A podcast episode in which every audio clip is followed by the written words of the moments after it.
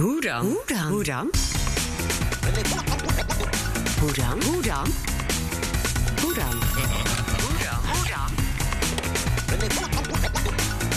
Hoe dan? Hoe dan? Hoe dan? Hoe dan? Hoe ben je en koopman en dominee? Ron Keller is van mening dat Nederland zowel de koopman als de dominee kan zijn. Een handelsland kan ook een opgeheven vingertje hebben, stelt hij, maar alleen als het echt nodig is en vooral als je maar begrijpt waarom landen, denk aan Rusland, denk aan Turkije, denk aan China, soms doen wat ze doen. Verdiep je in die landen. Hoe dan? Hoe dan? Hoe dan? Ron, normaal gesproken zeg ik welkom, maar ik ben bij jou te gast hier in Leiden. Dank dat ik hier mag zijn. Alsjeblieft, Geert-Jan. Ik heb uh, de grote eer om je hier te ontvangen. En met veel plezier uh, uh, praat ik over het interessante onderwerp dat je wil aanstippen. En we komen er goed in, want als ik hier even door jouw huiskamer kijk, dan zie ik allemaal elementen van, van de landen waar jij hebt gewerkt en waar je in hebt verdiept, die te sprake zullen komen. Uh, wat, wat zijn waardevolle uh, herinneringen die ik hier zo al uh, kan, kan waarnemen uit de landen waar jij ambassadeur bent geweest? Nou, je, je, ziet, je ziet wat schilderijen uit Oekraïne van een, van een wat romantische schilder, wiens naam nu even niet te binnen schiet. Ik heb een paar prentjes uit, uit Moskou. Ik heb, ik heb wat, wat, wat spullen uit mijn tijd dat ik directeur-generaal ontwikkelingssamenwerking was. uit Afrika. Geen, geen bijzondere kunst die moet worden teruggegeven hoor, maar keurig op de souvenirmarkten gekocht. Maar voldoende om mooie herinneringen te hebben aan, aan de landen waar ik, waar ik ben geweest. En vooral de landen waar ik heb gewerkt. je noemde al Oekraïne, Rusland, Turkije en China. Dat zijn de vier landen waar ik ambassadeur ben geweest. En verder heb ik enorm veel internationaal werk eigenlijk altijd mijn hele leven gedaan. Ik ben, ik ben econoom qua achtergrond, macro-econoom. En ben, uh, 16, uh, ik heb 16 jaar bij het ministerie van Financiën gewerkt. Uh, ben ook op de internationale hoek begonnen daar. als, als persoonlijk assistent van minister Ruding voor internationaal werk. Minister Ruding Kijk. had een paar internationale functies bij het Internationaal Monetair Fonds die hij kreeg. En daar had hij een assistent voor nodig. En ik had gewoon het geluk dat ik op dat moment IMF desk officer was. Dus ik heb, ik heb heel veel geleerd die eerste jaren om zo dicht bij minister te werken. En daarmee ook geleerd hoe, uh, hoe lastig het is om politiek te bedrijven. De keuzes die je moet maken. En ook hoe ambtenaren het beste uh, zeg maar een bewindspersoon kunnen dienen. Hij heeft enorm veel, uh, veel ervaring en kennis opgeleverd. Ik heb 16 jaar bij Financiën gewerkt. heel veel internationaal werk gedaan. Het IMF, de Wereldbank. Betrokken geraakt bij de oprichting van de Oost-Europa-bank. Toen de Berlijnse muur viel in 1990 uh, werd die bank opgericht. Dus een paar maanden na de val van de muur. Uh, ja, die zou, uh, stond symbool voor het nieuwe ongedeelde, vreedzame, samenwerkende Europa. En die bank die heeft dat, die rol ook gespeeld. Ik ben heel trots dat ik daarbij kon zijn. Ik ben ook de eerste Nederlandse bewindvoerder bij die bank geworden. In Londen zit die bank. Er zijn ook wat spullen uit Londen hier nog terug te vinden in dit huis. Hm. Um, en ik heb uh, eind jaren negentig uh, als directeur buitenland bij Financiën de eer gehad om mee te bouwen bij het, het opzetten van de eurosysteem. dat was echt een historische klus. en ja, de euro is er nog steeds. En er is van alles wat beter zou kunnen, ongetwijfeld. Maar ik denk dat we toen het beste van hebben gemaakt. Dus dat was, dat was spannend. Daarna ben ik naar buitenlandse zaken gestapt. Ik werd gevraagd om directeur-generaal ontwikkelingssamenwerking te worden. Dat heb ik vijf jaar gedaan. Dat waren hele zware uh, tijden qua werkdruk. Uh, maar ik heb ook weer enorm veel geleerd. Andere cultuur, ander ministerie. Uh, ander beleidsterrein voor een deel. de multilaterale ontwikkelingssamenwerking had ik bij Financiën al meegemaakt. De Wereldbank en eigenlijk ook het IMF. Uh, maar de bilaterale ontwikkelingssamenwerking was nieuw voor mij. Uh, en de breedte ook waarmee het maatschappelijk middenveld in Nederland met ontwikkelingssamenwerking bezig is, was en is, mm -hmm. was nieuw voor mij. Dus daar heb ik weer heel veel extra dingen geleerd. En na vijf jaar uh, wilde ik iets anders doen. En met mijn ervaringen vanuit die Oost-Europa-bank in, in Oekraïne. Ik was daar op, op werkbezoek met een aantal van mijn collega-directeuren in 1991 in Kiev toen de Sovjet-Unie uit elkaar viel. En wij waren dus, zonder dat wij dat beseften toen wij invlogen, de eerste zeg maar, echte buitenlandse missie in het nieuwe land Oekraïne. En achteraf is het, eh, klinkt dat heel mooi, maar op dat moment was het eh, nou paniek en onzekerheid. Wat gaat er gebeuren?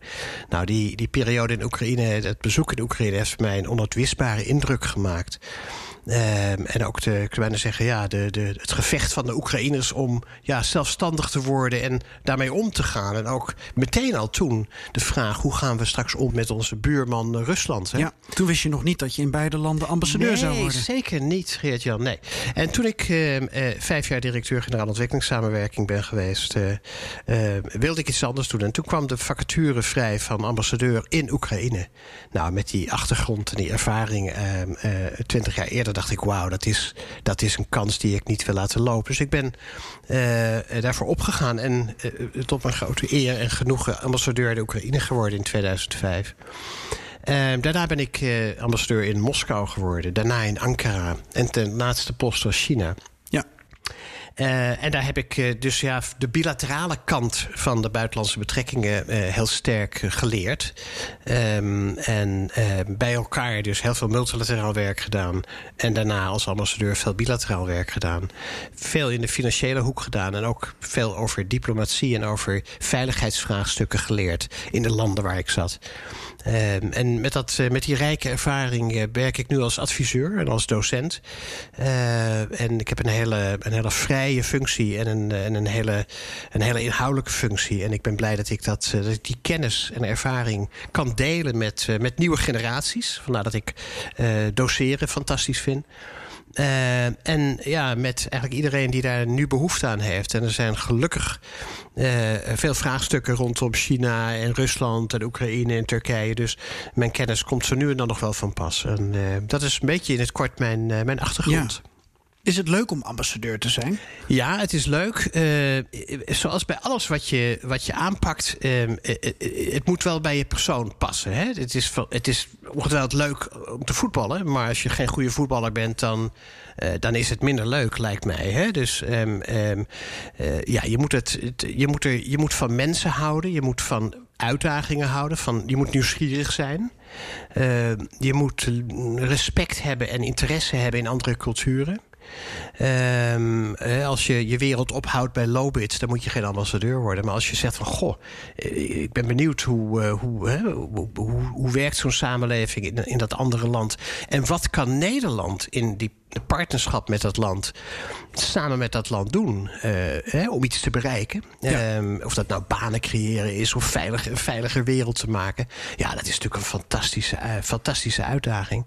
Ehm, je ontmoet heel veel mensen. Het leuke van ambassadeurschap is ook dat je met een enorm breed palet aan onderwerpen te maken hebt. Hè? En dat hangt een beetje ook samen met de posten waar je zit. Maar de posten waar ik eh, heb gefunctioneerd, daar is eigenlijk het hele Nederlandse beleidsterrein is daar aanwezig. Of dat nou eh, ja, de traditionele buitenlandse zaken, veiligheidsissues zijn.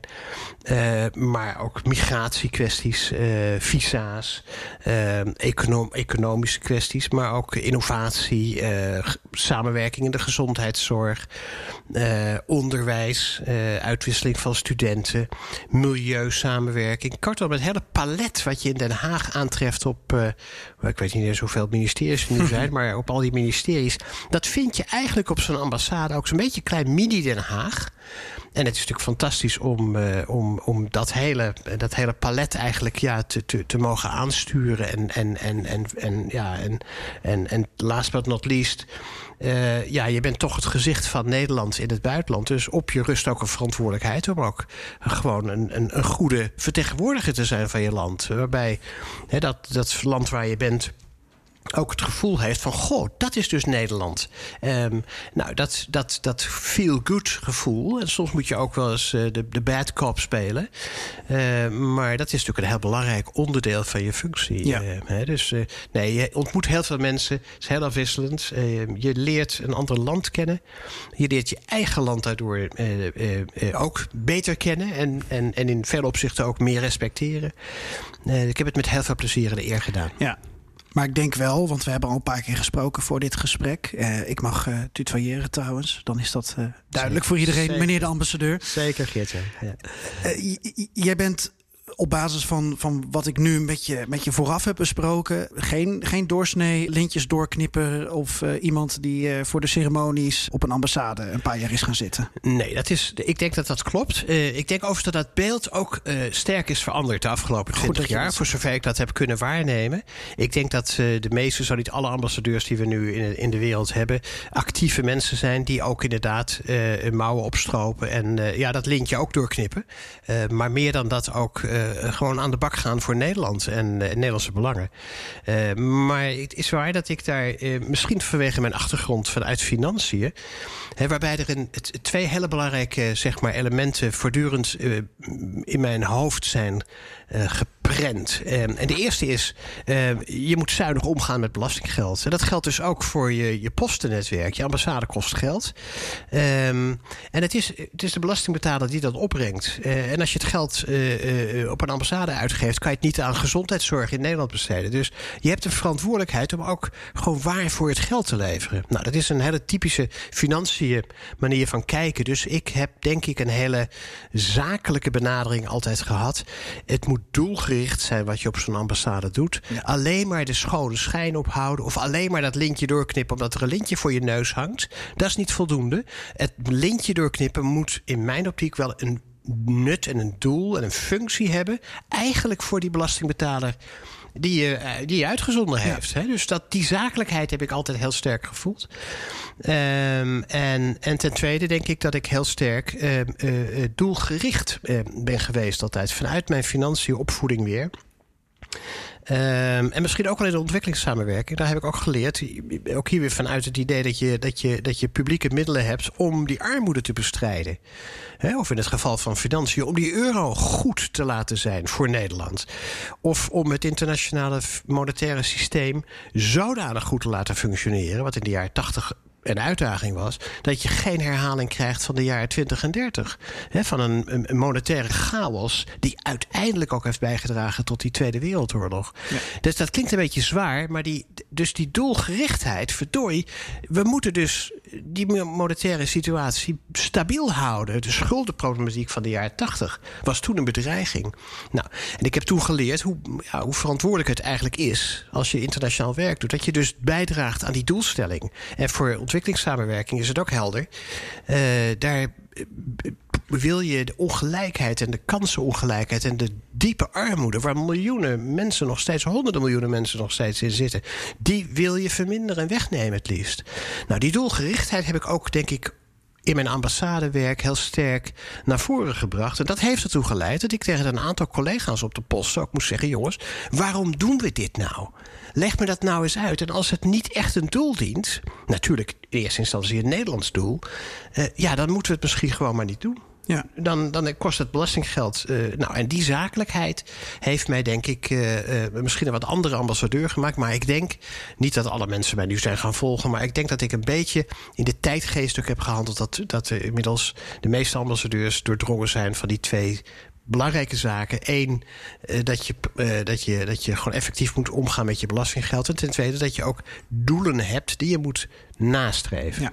De, de centrale onderzoeksvraag, um, waar ik heel benieuwd naar ben bij jou, is dus de rol van Nederland, maar ook de relatie van Nederland met bijvoorbeeld die landen waar jij gezeten hebt. Mm -hmm. Er is al decennia lang in Nederland discussie over: zijn wij koopman of zijn wij dominee? Want wij kunnen heel goed handel drijven, maar wij kunnen ook uh, heel goed andere wijzen op uh, normen en waarden. We hebben uh, het idee dat we zelf in een goed functionerende democratie leven en dat we dat willen, willen uitstralen en ook die kennis en kunde willen overdragen. En dat zorgt af en toe voor spanning, voor wrijving, want niet iedereen lijkt daarop zitten te wachten. Maar ja, Ron, dan wordt er een, een vliegtuig uit de lucht geschoten in 2014. Dan zien we hoe Turkije niet de ideale bondgenoot van, van de NAVO is, waar wij ook onderdeel van zijn. Dan zien we dat China in de haarvaten van onze technologie lijkt te rommelen. Koopman of dominee? Koopman en dominee. Wat zou jij zeggen? Ja, ik zou zeggen dat kan alle twee. Dat zijn twee hele belangrijke rollen. Uh, een traditioneel uh, belangrijke rollen voor Nederland. Waar we denk ik ook uh, in zekere zin door herkend worden door het buitenland. Dus die rollen die, die kunnen we niet zomaar wegdoen. Die, die doen we ook niet zomaar. En we gaan het komende uren uitzoeken hoe dat dan ja, samen kan gaan. Daar ga jij over doseren. Nou, dat, dat, daar, daar, dank je wel. Daar ga ik wel kritische vragen over Dat is heel goed. Ja, uitstekend. ja, dat terecht ook. Want dat zijn ook hele, dat zijn ook hele belangrijke rollen die, die je als, denk ik, als ambassadeur... maar gewoon misschien ook wel als samen, Nederlandse samenleving goed moet onderscheiden en, en, en moet plaatsen ten opzichte van elkaar. Dus uitstekend om, dat, om daar goed over, over door te praten. Misschien voordat we over specifiek die twee rollen praten. Um, een, een, hele algemene opmerking, als ik mag, uh, Geert-Jan. Dat is eh, over het feit dat.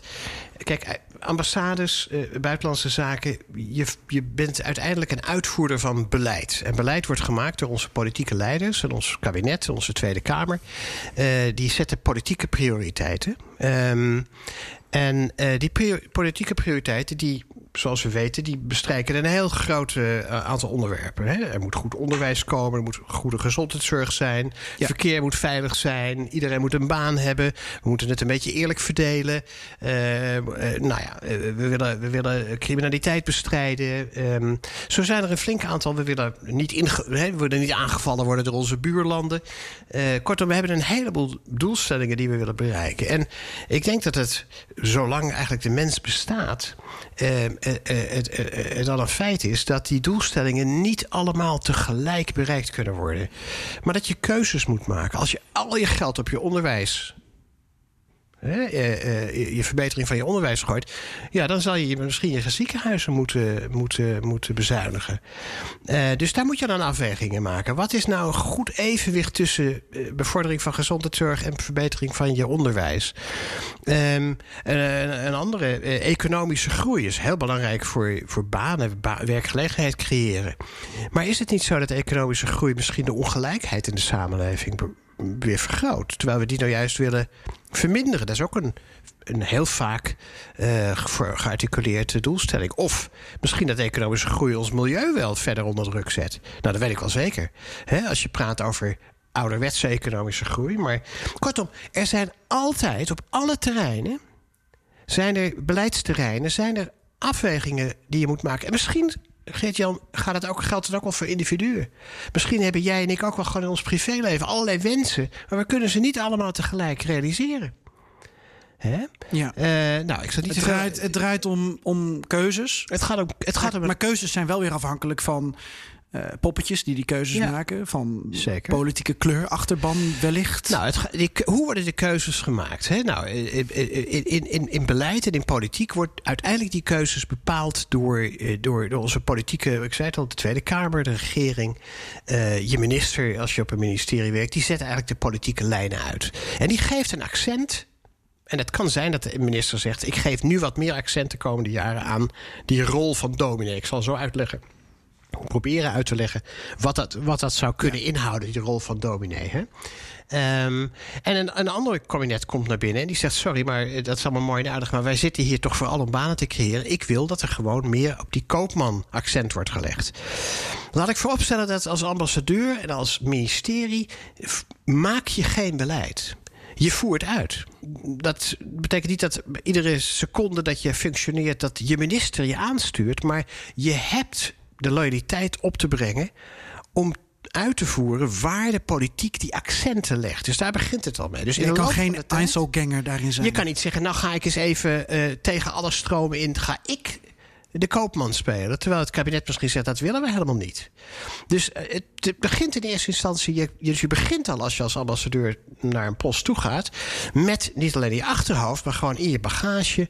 een, een goede kennis van dit is het is ongeveer het palet aan prioriteiten en de, en de relatieve zeg maar, gewichten van die prioriteiten. die mijn politieke baas, het kabinet, mij meegeeft, de Tweede Kamer mij meegeeft. Zeg ik meteen bij dat dat niet een, dat is niet een spoorboekje waar je vier jaar mee vooruit kan op zo'n post. Hè? Dus dat Mhm. geeft een algemeen beginpunt van waar de grote accenten liggen. Ja. In de uitvoering is er natuurlijk toch heel veel dat je op basis van je eigen geweten en inzichten moet doen. Maar wel altijd binnen dat politieke speelveld dat gegeven is. En dat fluctueert dus van jaar tot jaar. En dat van kabinet tot kabinet kan veranderen. En dat ook kan veranderen als omstandigheden hè, zich, aan, eh, zich aandienen. Als eh, eh, Rusland de Krim niet was binnengevallen, dan was het misschien heel anders gegaan. Dus omstandigheden bepalen ook soms dat er keuzes in gemaakt moeten worden. Niet omdat Nederland iets heeft gewijzigd of dat er een nieuw kabinet is, maar omdat er in de buitenwereld iets verandert. Hoe gaat het dan in Den Haag om? Welke, je zou zeggen, het ministerie van Buitenlandse Zaken gaat over ons buitenlands beleid. Ja. Maar ik hoor ook hoe jij gevormd bent Ja. door eh, financiën, door ontwikkelingssamenwerking. Dus eigenlijk eh, de integratie van verschillende departementen en, en achtergronden. Zeker. Hoe gaat dat in Den Haag? Hoe wordt een, een, een beleid gevormd? Ja. Nou, bijna ieder ministerie heeft inmiddels buitenlandse activiteiten. Er is geen ministerie die meer alleen in Nederland functioneert. Iedereen heeft een buitenlandse component inmiddels gekregen. Dat neemt alleen maar toe. De globalisering zal laten zien dat we meer en meer Europees en internationaal werk gaan doen. Hè? Dus als je de trein naar Brussel zou nemen, wat ik nu in deze coronatijden misschien even niet, maar als je hem zou nemen, dan zou je zien dat daar heel Den Haag zit. Alle ministeries reizen op en neer naar Brussel, omdat daar hun internationaal overleg is. Dus dat betekent ook voor die posten, voor die ambassades, voor die vertegenwoordigingen van Nederland in het buitenland, dat je eigenlijk het hele palet van Nederland ook op je post eh, krijgt. Dus het is niet alleen maar de traditionele diplomatie, lees geen oorlog maken en zo. Ehm, en het is niet alleen maar de traditionele spullen verkopen. Maar inmiddels zijn er allerlei beleidsdossiers, of dat nou eh, luchtvaart, eh, landingsrechten, onderhandelingen zijn, of internationale samenwerking op onderwijsgebied, uitwisseling van studenten. Op al die terreinen wordt buitenlands beleid gevoerd. Hè? Dus allereerst Idealiter zou het zo zijn, dat, is, dat kan nog beter, denk ik. Dat zou Den Haag echt kunnen verbeteren. Dat er veel meer vanuit in Den Haag wordt gecoördineerd, wordt afgewogen. Wat willen we met al die departementen in Rusland doen? Wat, wat, nou, er is nu een strategie. Gelukkig is hij er nu, na, na zoveel jaar. Ehm, ik heb daar altijd voor gepleit om een duidelijk afweging te maken in Den Haag van hoe liggen onze zwaartepunten en hoe liggen die trade-offs? Hoe gaan we die keuzes maken? Van, want je kan natuurlijk een, een, een, je tijd maar één keer besteden, ook op zo'n ambassade. Je kan je budget maar één keer besteden, ook op een ambassade. En je hebt een aantal mensen, ja, deskundigen van het ene op het andere. Dus je kan niet zomaar van minuut tot minuut switchen. Dus die keuzes van hoeveel mensen heb ik, hoeveel geld heb ik en waar ga ik het voor inzetten, zou idealiter in Den Haag worden gemaakt. En als het zo is dat 14 departementen iets met Rusland hebben. Of er belang bij hebben om met Rusland samen te werken. Of zich bedreigd voelen door Rusland, dat kan ook. Dan zou je verwachten dat die 14 departementen bij elkaar komen. En met elkaar die afweging maken. Hoe gaan we dat nou aanvatten? En dan blijkt al heel gauw, is mijn ervaring. bij het opzetten van de eerste Ruslandstrategie. Die dateert uit 19, eh, 2010. Dus dat is eigenlijk een voorvoorloper van wat we nu naar buiten eh, gepubliceerd is. Maar in die toen nog intern gebleven strategie zie je ook dat er inderdaad keuzes worden gemaakt van hé, hey, misschien kunnen we elkaar wel helpen. In de, in, in, hè, als jij toch voor onderwijs bepaalde dingen neerlegt in Rusland, hé, hey, dan kan die, dat departement, het andere departement, kan meeliften. Maar die- kan je mij nog even meenemen naar Den Haag dan? Ja. Want dan kan ik me voorstellen dat, nou, nu is dat minister Blok, dat eh, het ministerie van Buitenlandse Zaken eh, de eindstrategie als het ware opstelt. Ja. Maar we hebben in Nederland veel ministeries, veel ministers. Eh, nou, laten we erbij pakken wie, wie nu de ministers zijn. Hoe eh, geeft minister Kaag bijvoorbeeld aan van ontwikkelingssamenwerking... eh, ik heb een belang Ja. bij dat dit en dit in Rusland gebeurt. Ja. Van Engelshoven voor onderwijs, Schouten voor landbouw... economische zaken voor de algehele belangen. Zeker. Ja. Mensenrechten, heel slecht voor mij. Ik weet even niet, valt dat onder Van Engelshoven? Nee, dat valt onder buitenlandse dat zaken. valt onder buitenlandse zaken. Ehm, dus die hebben eigenlijk weer meer met, met, met de, ik noem het even, de, de dominee-kant dan de koopmankant. Ja, dat klopt. Ja. Hoe komt dat samen? Heeft Nou, iedereen dat- zijn eigen lijstje? Iedereen heeft zijn eigen lijstje. En dat komt uiteindelijk samen in het interne overleg dat er nu is voor de grote landen. Gelukkig is dat er. Dat was er dus twintig jaar geleden niet, maar dat is er inmiddels wel. Dat is heel goed. Voor Turkije is dat er nog niet. Nou, dat, dat begint ook te. Daar is Turkije overleg van de, van de verschillende ministeries. Dat moet, denk moet ik, wel gaan kan komen, Nog, dat eh, kan nog een tandje ja. steviger, denk ik. maar Maar, door. is eigenlijk voor die grote landen inmiddels de afgelopen 10, 20 jaar, 15 jaar, dat ik het kan overzien, is er, zijn er dit soort overlegssituaties opgezet. waarbij dus de departementen zeggen van dit is wat we willen. Wat er vervolgens moet gebeuren is dat je die wensenlijstjes in elkaar schrijft en zegt van oké, wat hebben we daar nu voor nodig op zo'n ambassade?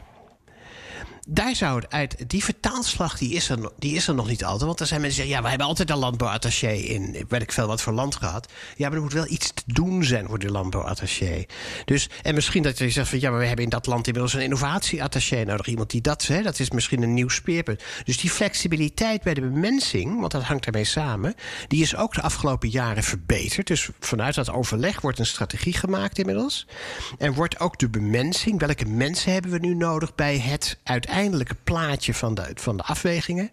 Hè, welke mensen hebben we daarvoor nodig? Nou, als er een strategie over China, ik noem maar iets op, eh, China-strategie niet zo over milieusamenwerking staat, dan hebben we geen milieuattaché in, in, in Beijing nodig. Hebben als er heel veel accent wordt gelegd in die strategie op samenwerking op onderwijsgebied, dan wil je misschien daar een onderwijsattaché neerzetten. Ja. Maar er zijn toch veel meer, eh, nog, nog één keer vanuit Den Haag geredeneerd, er zijn toch veel meer ministeries met een koopmanbelang dan een dominee. Belang. Dus hoe krijg je daar een goede balans Ja. tussen? Want eh, ja, je kan als buitenlandse zaken pleiten voor eh, betere mensenrechten in. Het is heel breed, hè, mensenrechten in, in Rusland of China. Ja. Maar eh, er zitten zes ministers in je nek te hijgen die economische belangen hebben. Ja, ja. Maar uiteindelijk valt het, als je, als je even een laagje dieper gaat dan, dan zoals jij ze nu verwoordt, dan blijkt dat heel veel belangen in elkaars verlengde liggen. Hè? Waarom zouden wij de dominees willen spelen? Als we, hè, waarom zouden wij mensenrechten willen bevorderen? Waarom zouden wij dat doen eigenlijk? Nou, misschien dat we dat ooit hebben gedaan vanuit een beeld van eh, een missie. Dat kan een, kan een, religieuze achtergrond bij zitten. Eh, natuurlijk vanuit ons christelijk geloof zijn wij heel sterk in het missionaris zijn. Dat, dat begrijp ik heel goed. Maar er is ook een groot eigenbelang inmiddels. En als je daar nou dus een laag verder gaat... waar- waarom is bevordering van mensenrechten in Rusland... waarom is dat nou in het Nederlands belang? Dat is de vraag die je, vind ik, moet stellen. Ja. Eh, kijk, of het goed is voor de Russen, dat bepalen de Russen wel. Daar, da- da- die stoel zou ik van af willen blijven. Laat de, laat de Russen nou zelf bepalen wat goed voor hen is. Maar laten wij, dat is wel ingewikkeld genoeg, bepalen wat goed voor ons is. En ik heb altijd de stelling gehad: waarom zouden we iets doen wat niet in het Nederlands belang is? Dat moeten we dus niet doen. We zijn een Nederlandse ambassade. Kortom, is bevordering van mensenrechten, en op welke wijze dan ook nog eens een keer, in het Nederlands belang? Nou, ik noem maar even heel bot op. Als bevordering van mensenrechten ertoe gaat leiden dat je ruzie krijgt met Rusland, waardoor uiteindelijk de Russen nog meer de deur dichtgooien, er nog minder hervorming het land binnenkomen en uiteindelijk ook gewoon Nederlandse bedrijven het land uit worden gegooid, dan is bevordering van mensenrechten is oliedom. Want uiteindelijk heb je in Rusland de situatie eerder verergerd. Ja. In dit geval. En je hebt in Nederland banen vernietigd. En in Rusland trouwens. Dus kortom, dan is bevordering van mensenrechten, als je het zo unisoon bekijkt, op deze wijze, is heel dom. En is eigenlijk heel, staat haaks en negatief eh, op Nederlandse belangen. Moeten we dus niet doen. Dus kortom, je moet mensenrechten bevorderen als het in het Nederlands belang is.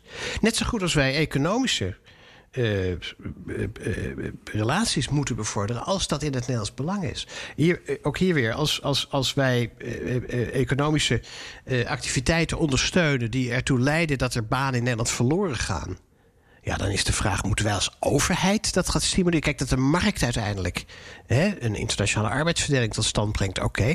Maar moeten wij bevorderen dat er als Nederlandse overheid dat er banen verloren gaan? Is dat nou een Nederlands? Wat, welk belang dienen we daarmee? Dat is een legitieme vraag. Dus ook hier, het altijd maar spullen verkopen of exporteren of investeren. De markt is de markt. En we hebben met elkaar afgesproken dat we die zoveel mogelijk zeg maar, als allocatiemechanisme laten, laten uh, functioneren. We corrigeren de markt als overheden. Dat doen we al, ook al sinds mensenheugenis en sinds Adam Smith. Daar is niks mis mee. Maar dat corrigeren moet wel goed zijn voor ons. Anders moeten we het niet doen. Ja. Uh, dus waarom zouden we in dit geval is het corrigeren van de markt, het bevorderen van Nederlandse investeringen in het buitenland, als dat leidt tot banenverlies in Nederland, moeten we dat dus niet doen? Als overheid is geen enkel reden om daar belastinggeld in te stoppen, zou ik zeggen. Dus kortom, niet iedere koopmansactiviteit is in het Nederlands belang. Ik had het over mensenrechten en over democratisering. Ja. Wat een heel actueel thema is, is veiligheid. Ja. Uh, zowel uh, het, het koude oorlogssentiment, om het even zo aan te vliegen, als uh, digitale veiligheid. Ja. Valt veiligheid onder de, de dominee? Ja, het valt. Het, het valt. Het valt uh, uh, kijk, de dominee. Uh, misschien moet ik dat nog een slagje terughalen. de dominee dient uiteindelijk ook Nederlandse belangen te dienen. Zou Nederlandse belangen moeten dienen. Dus als wij um, um, China aanspreken op zijn mensenrechtenbeleid, dan zou dat in het Nederlands belang moeten zijn. Bijvoorbeeld, als wij vinden dat, uh, uh, dat er, uh, dat er vrijere pers zou moeten zijn in China. Ja. Waarom zouden wij dat vinden als Nederland? Heb ik mijn staf gevraagd in Beijing. Waarom vinden wij dat die persvrijheid moet, bevorderd moet worden? Waarom zouden wij dat doen? Nou, laten we daar eens op doorgaan. Want ja. Chinese journalisten hebben een soort onzichtbare rode lijn. Ja. Waarbij uh, ze dus heel goed weten dat ze over bepaalde kwesties, denk aan Oeigoeren, denk aan Taiwan, ja. Tibet, ja. dat ze daar niet over schrijven. Zeker. Er komt wel informatie over naar buiten. Dat komt dan vanuit uh, buitenlandse journalisten of Chinese journalisten die samenwerken met buitenlandse journalisten als fixer of producer werken. Zeker. Ja. Dus het is heel duidelijk in het belang van mensenrechten Um, democratisering dat je over uh, interneringskampen in het westen van China Zeker. publiceert om het onder de aandacht te houden. Zeker. Alleen dan ja. vraag ik nu inderdaad toch maar aan jou als oud-ambassadeur. wat het Nederlandse belang daarvan Ja. is, wat weer heel hard klinkt. Ja, nee, dat klinkt Want niet het klinkt niet, niet menselijk. Omdat dat klinkt het moet iets heel logisch zijn dat je dat onder de aandacht Ja. wil houden. En dat je Ja. dus de persvrijheid wil verbeteren, zodat er meer aandacht voor is. En Ja. je uiteindelijk, middels een lang proces van dialogen, die situatie hopelijk kan Ja. verbeteren. Kijk, ik heb, ik heb net als jij, ik ben opgegroeid hier. Ik heb een beeld bij wat een ideale wereld zou zijn. En ik denk dat wij en ik beide vinden dat een ideale wereld zou zijn als de hele wereld is een beetje zoals Nederland. Nou, een interneringskamp zit een eindje van mijn ideale wereld vandaan in ieder geval. Nou, dat geldt voor mij zeker ook. Dus wij hebben beiden een beeld van dat is toch fantastisch. En laten we eerlijk zijn, de feiten spreken voor zich. We zijn in de top vijf van de meest gelukkige landen, meest welvarende landen, meest ontwikkelde landen. Dit is een heel fatsoenlijke samenleving. Godzijdank dat we hier zijn geboren en dat we, dit, dat we hierin mogen, mogen wonen en werken en leven. Eh, dus dat is, daar is geen twijfel over. Dit is, dit is eh, eh, een van de beste plekjes op aarde waar je kan vertoeven. En we hebben alles fatsoenlijke dingen, denk ik, ook gedaan die we bevochten als het is. Maar we hebben het in de loop van de tijd ontwikkeld. We hebben vrijheid, we hebben een goede mix gevonden tussen vrijheid en, en, en, en, en, en zeg maar groeps, eh, groepsdwang, zou ik bijna zeggen. Eh, nou, hoef je niet uit te leggen hoe, hoe, hoe goed Nederland georganiseerd is. Nee. En je zou dat natuurlijk ook willen voor andere mensen. Maar als je uiteindelijk in het bevorderen daarvan je in je eigen voet schiet, waarbij je nog de persoon daar helpt, nog jezelf, ja, dan, dan ben je in mijn optiek niet goed bezig. Dus waar je vanzelfsprekend voortdurend de aandacht aan moet vragen, is natuurlijk moet je land als China aanspreken op. eh, op dit soort misstanden. Want er zijn natuurlijk objectief gesproken misstanden. Het kan niet zo zijn dat we zeggen: ja, sorry, maar in China zijn ze helemaal gewend aan kampen, dus dat laten we gebeuren. Maar tegelijkertijd, je moet wel heel goed beseffen... wij zijn niet degene die die kampen kunnen afschaffen. Dat zal uiteindelijk door de Chinezen zelf moeten gebeuren. Nou, je kan druk uitoefenen op China. Stel dat je zegt, het is zo, dit is zo schandalig. Ja. Dat betekent dat je dus gewoon druk moet uitoefenen op China. Nou, ik ga nu heel ver doordenkend. Hè? Ja. De traditionele druk is, we voeren oorlog. We vallen dat land binnen. We bevrijden We ze. bevrijden de Ja. Oeigoeren. Ja, hoezee. Nou, dat, in deze huidige nucleaire wereld zie ik ons dat niet doen. Nog los van het feit, is er nou wel een voldoende coalitie eigenlijk die, dat, die er bereid is om China binnen te vallen daarvoor. Dus daar heb je al het probleem in. Dus dat middel heb je al niet meer. Als dat al een middel is, de geschiedenis heeft laat, laten zien dat dat een middel is dat, eh, dat ook heel veel nadelen en een hoge prijs heeft.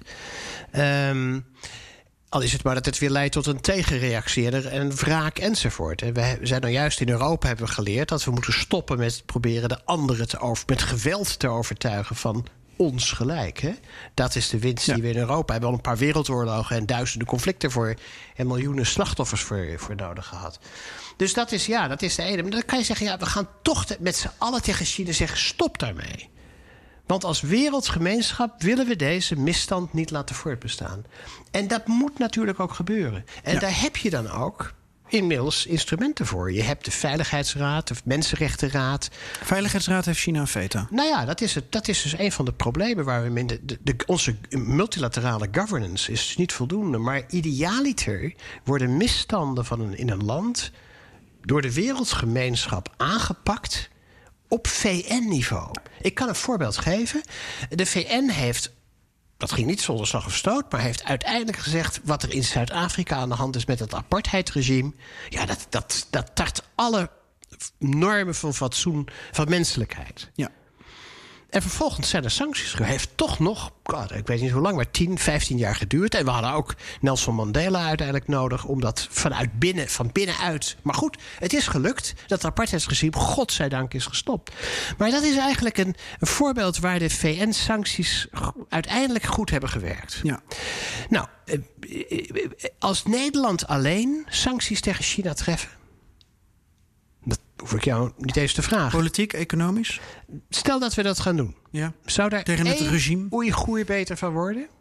De Chinezen gebruiken dan voortaan de haven van Antwerpen om hun spullen naar Europa te of Hamburg. Dus kortom, je raadt het al. Ja, maar het zou fijn zijn als België en Duitsland ook meedoen. Dat je Chinezen niet kunnen ontsnappen naar Hamburg en Antwerpen. Goed, dus dan heb je het al over. Het is in ieder geval effectiever als je het samen met andere landen doet. Ja. Nou, hoe groter die groep is waarmee je dat doet, hoe meer kans je hebt dat het lukt. Dus je domineeschap vertaalt zich al heel snel in van hoe kan ik effectief zijn? Hoe kan ik, ehm, ehm, eh, eh, hoe kan ik uiteindelijk druk uitoefenen daar? En dat betekent dat je met een grote groep landen moet zijn. En als de VN niet werkt, nou, zijn er dan coalities of de willing te maken? Zijn er, eh, eh, eh, zijn er in dit geval de Europese Unie, is er voor de hand liggend vehikel dat je dan gebruikt? Ja. Maar let wel op, de voorbeelden waarbij externe druk heeft geleid tot binnenlands politieke aanpassingen, die zijn op één hand te tellen.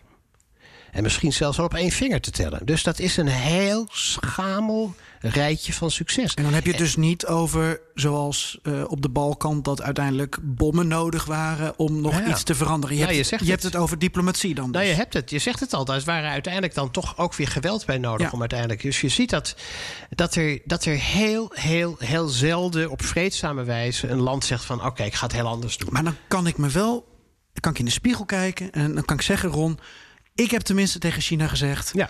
dat ik tegen interneringskampen ben. Maar natuurlijk heb ik dat in mijn tijd ook gezegd.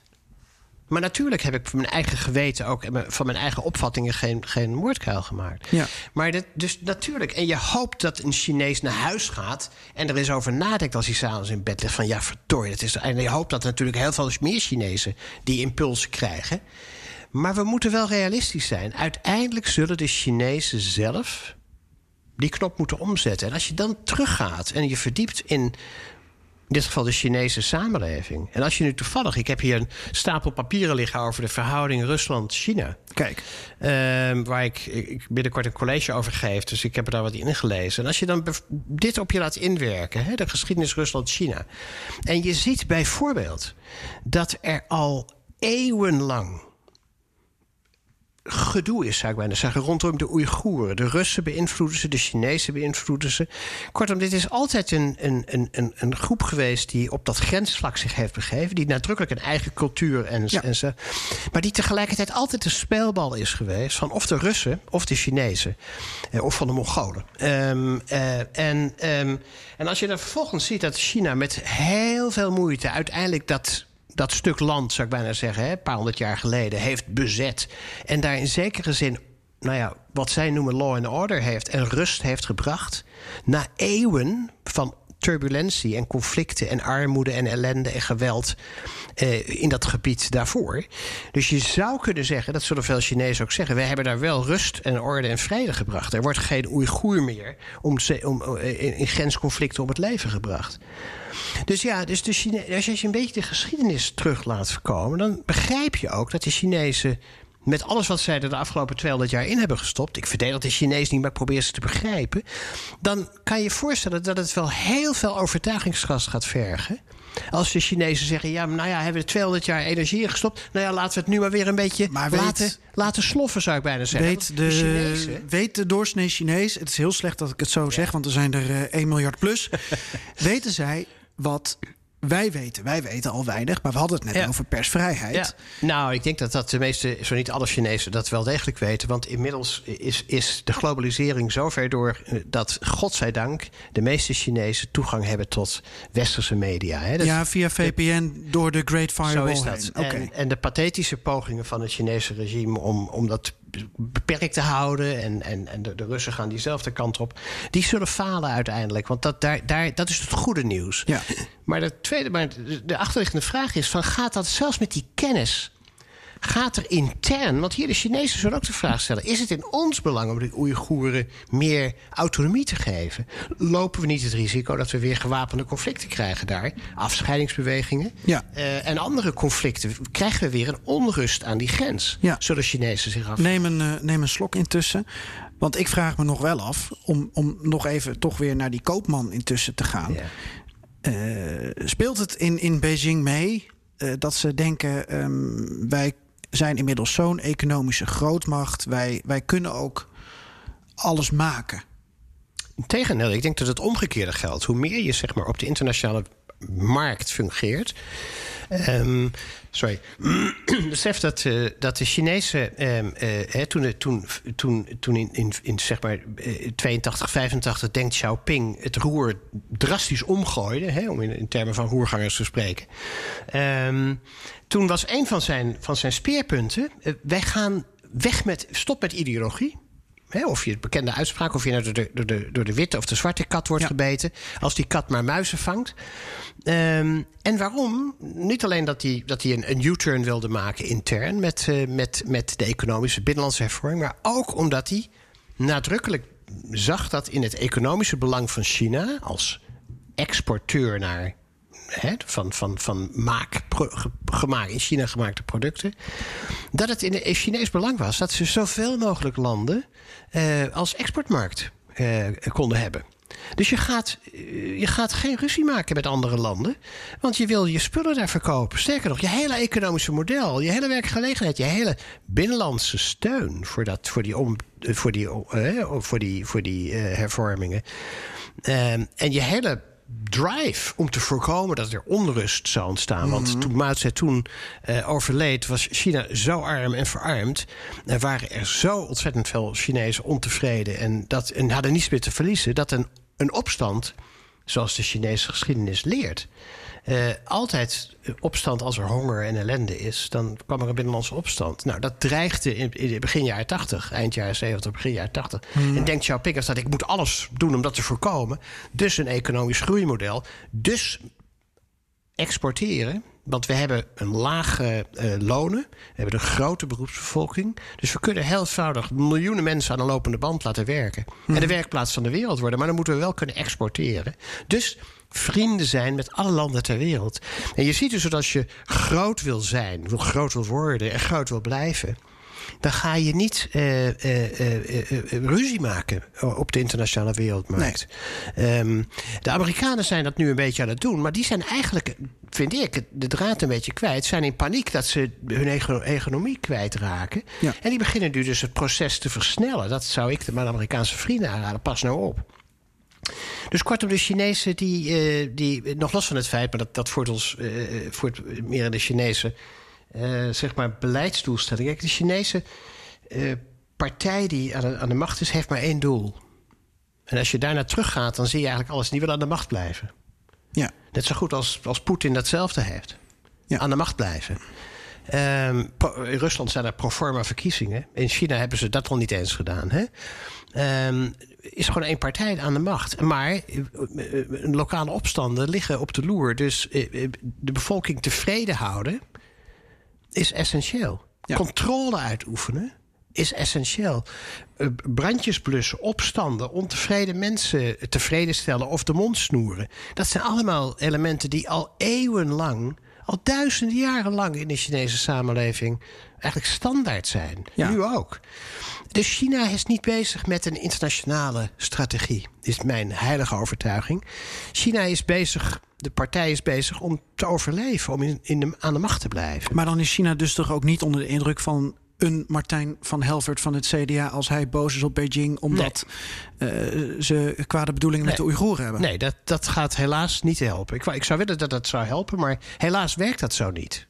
Dus we zullen veel slimmere en veel ingewikkelder en veel langduriger methodes moeten toepassen. Maar misschien zegt hij wel terecht dat in de China-strategie een hoofdstuk ontbreekt over de situatie rondom de Oeigoeren. Er is heel veel aandacht voor technologie, ja. ZTE, Huawei, eh, mogelijke Ja. eh, digitale spionage, dat soort zaken. Dat is een bedreiging van de Ja. veiligheid. Hij heeft het over een ander soort Ja. veiligheid, namelijk van, van, de mensen daar. ja, maar de vraag is of wij degene moeten zijn die, die ik nogmaals, ik loop voor Nou, dan moet er een Europese Ik loop voor verantwoordelijkheid Ja. niet weg, hè? Nee, maar, ik moeten- probeer ook te kijken van hoe kunnen we dominee en koopman... want Ja. we, we begonnen dit verhaal met dat dat, dat dat naast elkaar kan lopen.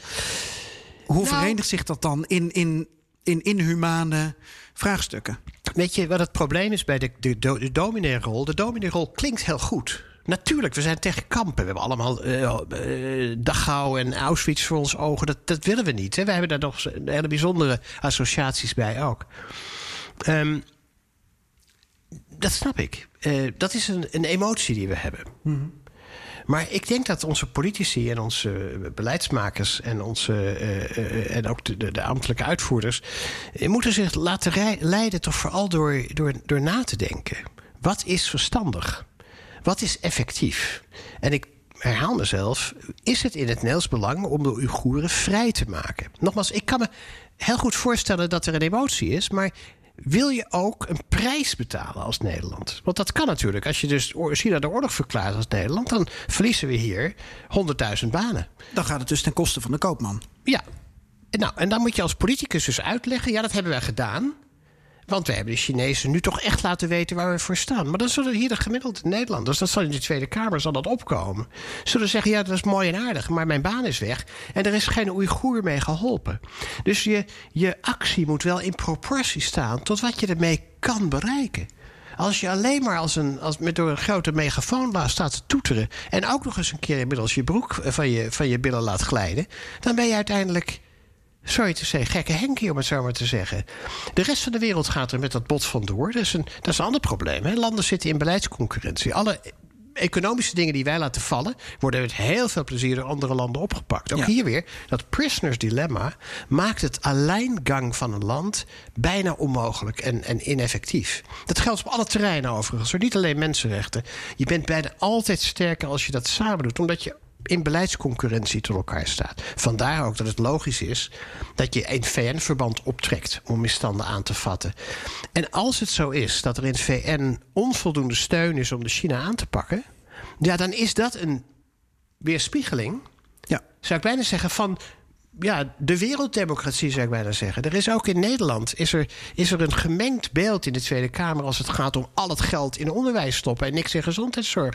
Daar zijn ook verschillende. Er een, uiteindelijk is daar een, een gewogen zeg maar, eh, uitkomst. Hè? Ja. Van alle interessegroepen, belangengroepen en alle verschillende ideologieën worden gewogen. Zit uiteindelijk een, nou, dat geldt ook in de VN. Op een gegeven moment wordt er gezegd: ja, dit is dan toch het maximale wat de VN kan doen. Ja. En dat is niet zo heel veel voor de Oeigoeren. Dus je hoopt dat, dat, eh, dat uiteindelijk de hervormingen van, van, van binnenuit China komen. Mijn stelling is, en dat is denk ik een hele belangrijke om te beseffen als je praat over koopman en dominee, dat die twee in elkaars verlengde kunnen liggen. En wat is nou een slimme manier van het, zeg maar, met de Chinezen ten eerste praten over deze zaken? De deur dichtgooien betekent dat je niet meer praat. Eh, Europese sancties naar Poetin, die klinken heel stoer. Wat hebben die, terug, hebben die de Krim teruggebracht? Hebben die Oekraïne gered van, van, van het feit dat hij tussen tafellaken en servet en tussen uh, wal en schip is gevallen? Hebben die één Rus meer mensenrechten gegeven, die sancties? Nee, sterker nog. Die sancties hebben de, het regime van Poetin versterkt. Hij heeft binnen die sancties, die in feite als een protectionistische muur zijn gaan werken, heeft hij zijn eigen. Hè, er wordt nu, de Russische kaas wordt nu gemaakt in plaats van. Uh, toen ik daar woonde, was. In alle winkels kon je Nederlandse geïmporteerde kaas kopen. Dat was goed. De Russen konden kiezen, ten eerste. En ten tweede, het was goed voor de Nederlandse export.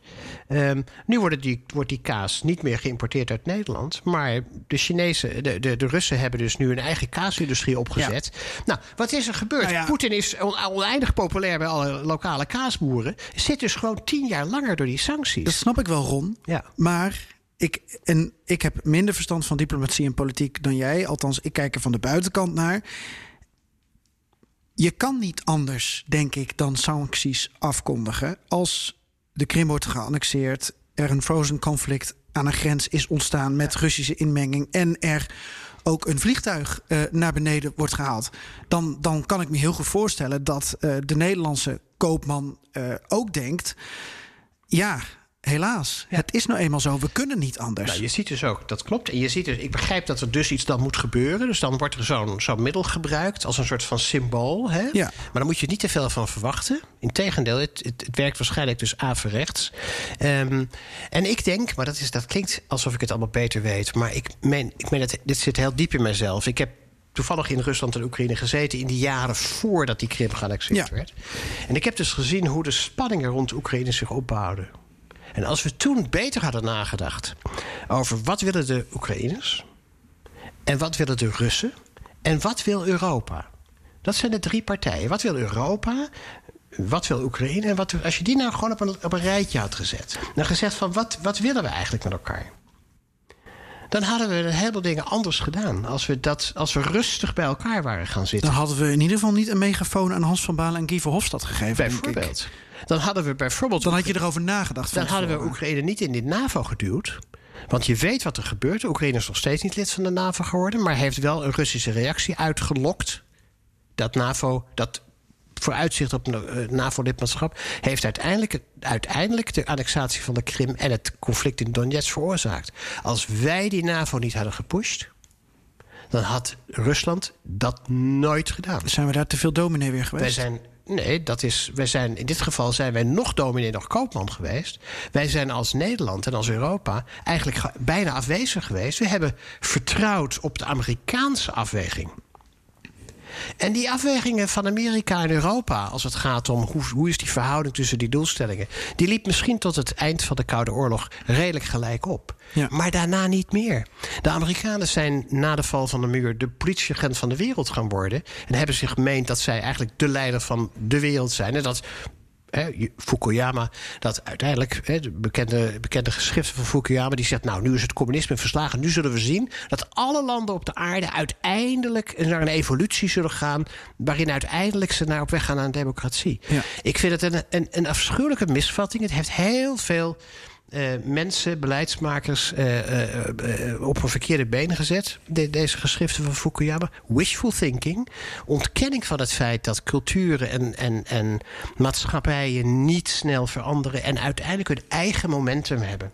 Tribale samenlevingen gaan niet opeens democratisch worden. Democratieën gaan niet opeens tribaal worden. Dictaturen houden zichzelf in stand en gaan niet opeens. Nou ja, kortom, Azië heeft een eigen bestuurscultuur al decennia, al duizenden jaren.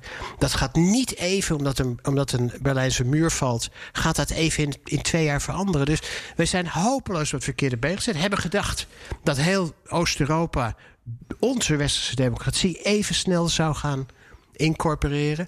En vanuit die frustratie dat dat niet gebeurde, zijn we allerlei rare dingen gaan doen. Bijvoorbeeld Oekraïne snel in ons kamp halen. Maar in plaats dat we hadden nagedacht vanuit koopman en dominee. Van hé, misschien is het veel verstandiger om Oekraïne lid van de Europese Unie te maken. Dan hebben we en een heleboel mensenrechten bevordering gepleegd in, in, in Oekraïne. We hebben heel veel economische verbondenheid gecreëerd met Oekraïne. Waar we ook zelf beter van worden. Maar uiteindelijk ook banen creëren in Oekraïne. Ehm, dus we hebben een stabiele buur gemaakt. En we hebben Rusland minder in het, in de, in het harnas gejaagd. Uh, tegen ons in het, in het gordijnen gejaagd. Dan als we die NAVO gaan doen. Want voor die NAVO, daar wordt, daar wordt niemand beter van. Daar koopt man al allemaal. Nee, en de Russen zien de NAVO als een Amerikaanse exact. organisatie. En sterker nog, uh, ik heb dat eerder uh, al eens gezegd. en, en ook bij BNR. Ik was NAVO-ambassadeur in Oekraïne. En ik werd dus door het Pentagon iedere week gebeld. Schiet op met het lidmaatschap van Oekraïne in de NAVO vanuit het Pentagon. En ja, Europa was in die tijd nog ja, heel erg van ja, ja, we weten, ja, stil eigenlijk. Hè? En Europa is nu pas zijn eigen strategie aan het ontwikkelen. Ja. Strategie gericht op het Europese belang. En als je dus terugkijkt, zeg je het Europese belang zou ertoe hebben geleid, als je dat goed had gearticuleerd, dat we met elkaar Oekraïne iets in de EU hadden gegeven, een toetredingstraject. En die NAVO, dat we daarvan af waren gebleven. Weet je wat toch veel erger is, uh, Geert-Jan? Um, toen ik daar zat in de jaren dat uh, Oekraïne dus dit bod van de NAVO uiteindelijk kreeg, was er slechts 5% van de Oekraïnse bevolking die het wilde. Pratend over democratie. Wij willen toch altijd naar de, naar de bevolking luisteren, toch? Naar de Oeigoeren en zo, hadden we maar naar die 35% van de Oekraïners geluisterd. Die zeiden: NAVO-lidmaatschap, ik wil eigenlijk een baan hebben liever en zo. Ik wil liever eigenlijk een handelskantoortje opzetten... dat ik met de Europese Unie kan handelen. En ik wil geen ruzie met die buurman Rusland. Zeiden mijn Oekraïense buren in Kiev. En ze hadden gelijk. Want waarom wil je ruzie met Rusland? Nou, en kijk wat er is gebeurd. Ja. Dus ja, je kan natuurlijk zeggen van... ja, de Krim is binnengevallen, dus we moeten sanctie nemen. Maar ga nou eens stappen terug. Als we eerder een afgewogen strategie hadden gehad. Een goede afweging tussen koopman dominee hadden gemaakt richting Oekraïne. Wat doen we met Oekraïne? Met die verschillende belangen en doelstellingen. Gegeven wat de andere partijen om ons heen willen. Dan hadden we een andere strategie gekozen. Nou, het is nu te laat.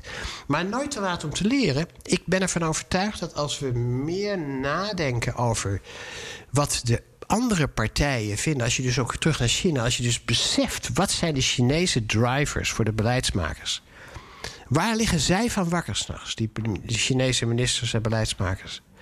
Als je daarop kan inspelen, dan kan je China, want uiteindelijk willen we dat we met China ook, dat we als Nederland veiliger worden van de samenwerking met China. We willen niet onveiliger worden van de samenwerking met China. Dus laat ik dat meteen terughalen. Als het zo is dat welk land dan ook hier activiteiten onderneemt die onze veiligheid van burgers of van bedrijven, het kan ook economische veiligheid zijn, uh, uh, schaadt. Dan dienen we daar actie voor te nemen. Dan is daar geen.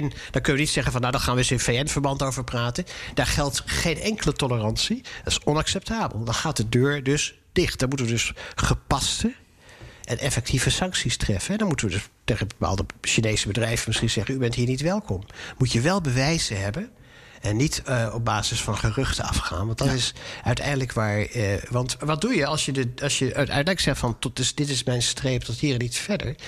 Je confronteert je wel je, je, je, partner, in dit geval China of Rusland of whatever, met een, ja, met een harde lijn. Dus ofwel je, je calculeert in dat hij dat accepteert, ofwel je neemt als uh, voor lief dat die partij zegt van oh, maar dan neem ik ook sancties naar jou toe. Laten we een, uh, een slokje nemen. Goed idee. Een kopje koffie of een ik slokje water. Afgesproken. En dan gaan we door uh, met ja, Turkije, moet ik nog wel naar vragen. Okay. Doe dat dan. Mijn leeftijd is natuurlijk meer dan. Uh... Nou, als je veel koffie drinkt dan. Uh... Nou, gewapend met een, uh, een koekje en een kopje koffie gaan we verder. En we duiken zo in nog de casus Turkije rond. Want er ligt nu in Den Haag in ieder geval een Rusland-strategie en een China-strategie. Daar kan nog aan geschraafd worden, denk jij ook ja. waarschijnlijk. Er is nog geen Turkije-strategie. Misschien wel het moment om daar eens over na te denken. Maar eerst naar uh, soft power. Want we hebben het over doopman. Uh, kijk, daar gaat de fout. ik wist dat ik een keer doopman zou zeggen. Koopman en dominee. Doopman is misschien de goede, goede tussenvorm. goede intermediair. Oeps. Hoe zie jij de rol van soft power in, in waar we het nu over hebben, in balans? Ja, ik heb al gezegd, de, de, zeg maar de, de, de harde de harde mensenrechten sanctiesachtige manier van, van, van mensenrechten afdwingen. Hè? Dat, ik, dat nog, als ik mag daar in heel kort een paar zinnen over zeggen. Waarom dat in mijn optiek niet te prefereren is doorgaans. Hè? Ten eerste, je moet dus met een hele grote groep landen zijn. Dat is één. Ten tweede, zo'n hard beleid betekent ook dat je zelf vaak een prijs betaalt. Hè? Ehm, ten derde, um, uh, je versterkt bijna altijd met sancties de zittende uh, regime. Hè? Je, je, je, je, je, en daar kom ik zo bij de soft power. Het, nationalistische gevoel daar. Ja, gevoel van wij tegen de Eigen buitenwereld. Hè? Ik bescherm jullie wel tegen die boze buitenwereld. Je ziet dat ook nu in, in, in, zowel in Rusland als in China. Hè? Hoe meer de wereld zich tegen hen keert, hoe meer die partijen en Poetin zeggen van kijk eens. Luister maar niet meer naar die buitenwereld. Luister maar naar mij. Ik zorg al voor jullie. Dus je versterkt alleen maar de regimes. Hè? Dus, dus het, het werkt contraproductief. Um, de idee dat als we nou maar sancties treffen, uh, dan gaat de bevolking wel in opstand komen. Nou, neem nou Venezuela. Hè, daar heeft de Amerikanen gezegd: we hebben een nieuwe leider. Die heeft als Europa binnen een dag hadden we hem goed hadden we hem erkend. Ja, Veel meneer, meer eh, nadenken, Guaido. meer, meer nadenken was blijkbaar niet nodig, viel mij op. Maar goed, de Amerikanen hebben hem goedgekeurd, dus dat zal dan wel. Maar zie nou wat er gebeurt. Maduro zit er nog steeds. En, en, en, en we hebben die man wel erkend, die, die oppositieleider, als de nieuwe. Dus we zijn eigenlijk ook hier weer caught with our pants down. Hè? Is Belarus dezelfde valkuil? nou, dat is Met dat, de ja. Tiganovskaya Daar en, ligt hetzelfde en Lukashenko. risico. Precies, ja, daar ligt hetzelfde risico. Dus voordat je iets roept en denkt, ga nou eens eerst goed nadenken over wat is er in die samenleving aan de hand. Eh, inclusief de repressie die daar plaatsvindt. Kan een, kan een volk in opstand komen? Meestal hebben mensen al zoveel ellende meegemaakt dat ze niet ook nog eens een opstand erbij willen hebben. Hè? Waarom willen de, de Russen niet, niet, niemand anders dan Poetin? Omdat ze niet weer een, een chaos en, en verandering willen. Die willen geen verandering, welke het ook is. Dus vergewis je daar dan van. Nou, en ik denk dus dat als je praat over een veel betere manier, denk ik, van het bevorderen van de mensenrechten. Ehm, als je dat vereenzelvigt met die dominee-rol, ehm, dan. En no- nogmaals, mensenrechten bevorderen is in Nederlands belang. Daar twee zinnen over. Eh, waarom? Hoe meer gelijkgezinde landen er om ons heen zijn als het gaat om hoe je met mensenrechten omgaat, hoe prettiger dat voor ons is. Dan praat je eigenlijk dezelfde taal als wereldgemeenschap. En dan heb je dus minder kans op conflicten. En wij als klein, open land zijn natuurlijk altijd eh, overgelopen door andere landen. Dus we, we hebben er belang bij dat we gelijkgezinden om ons heen hebben. Nou, met de Europese Unie hebben we dat grotendeels al. Maar toch, hè, ook hier zie je dat in Oost-Europa de democratie nog helemaal niet zo diep gevestigd is. Hebben ook nooit een traditie ontwikkeld op dat gebied. Dus we hebben nogal flink wat te doen. We hebben er belang bij dat de mensenrechten om ons heen zoveel mogelijk gelijk zijn als die van ons.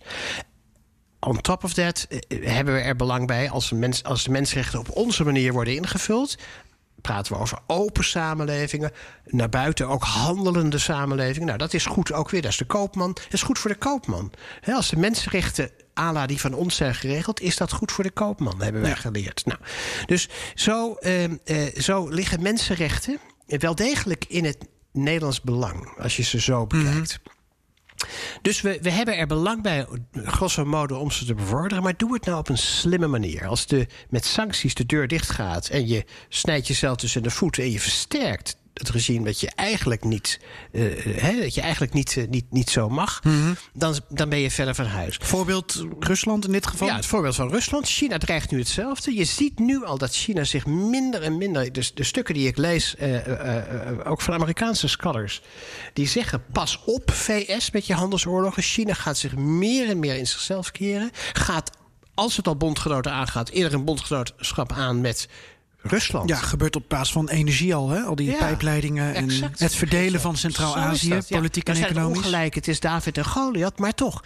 Dus kortom, je, je, je maakt de zaak alleen maar erger. Vanuit de optiek van proberen een, een, een meer geïntegreerde, open wereldgemeenschap te bevorderen. Nou, wat zou wel veel beter werken, Ja. maar minder sexy. Want je kan het niet meteen zeggen van ik heb een daad gesteld. Want minder sexy is, is vaak niet zo leuk, maar vertel. Nee, voor politici is dat natuurlijk. Maar zelfs ook voor ambtenaren is het natuurlijk veel prettiger. Ik heb sancties ingesteld. Ja.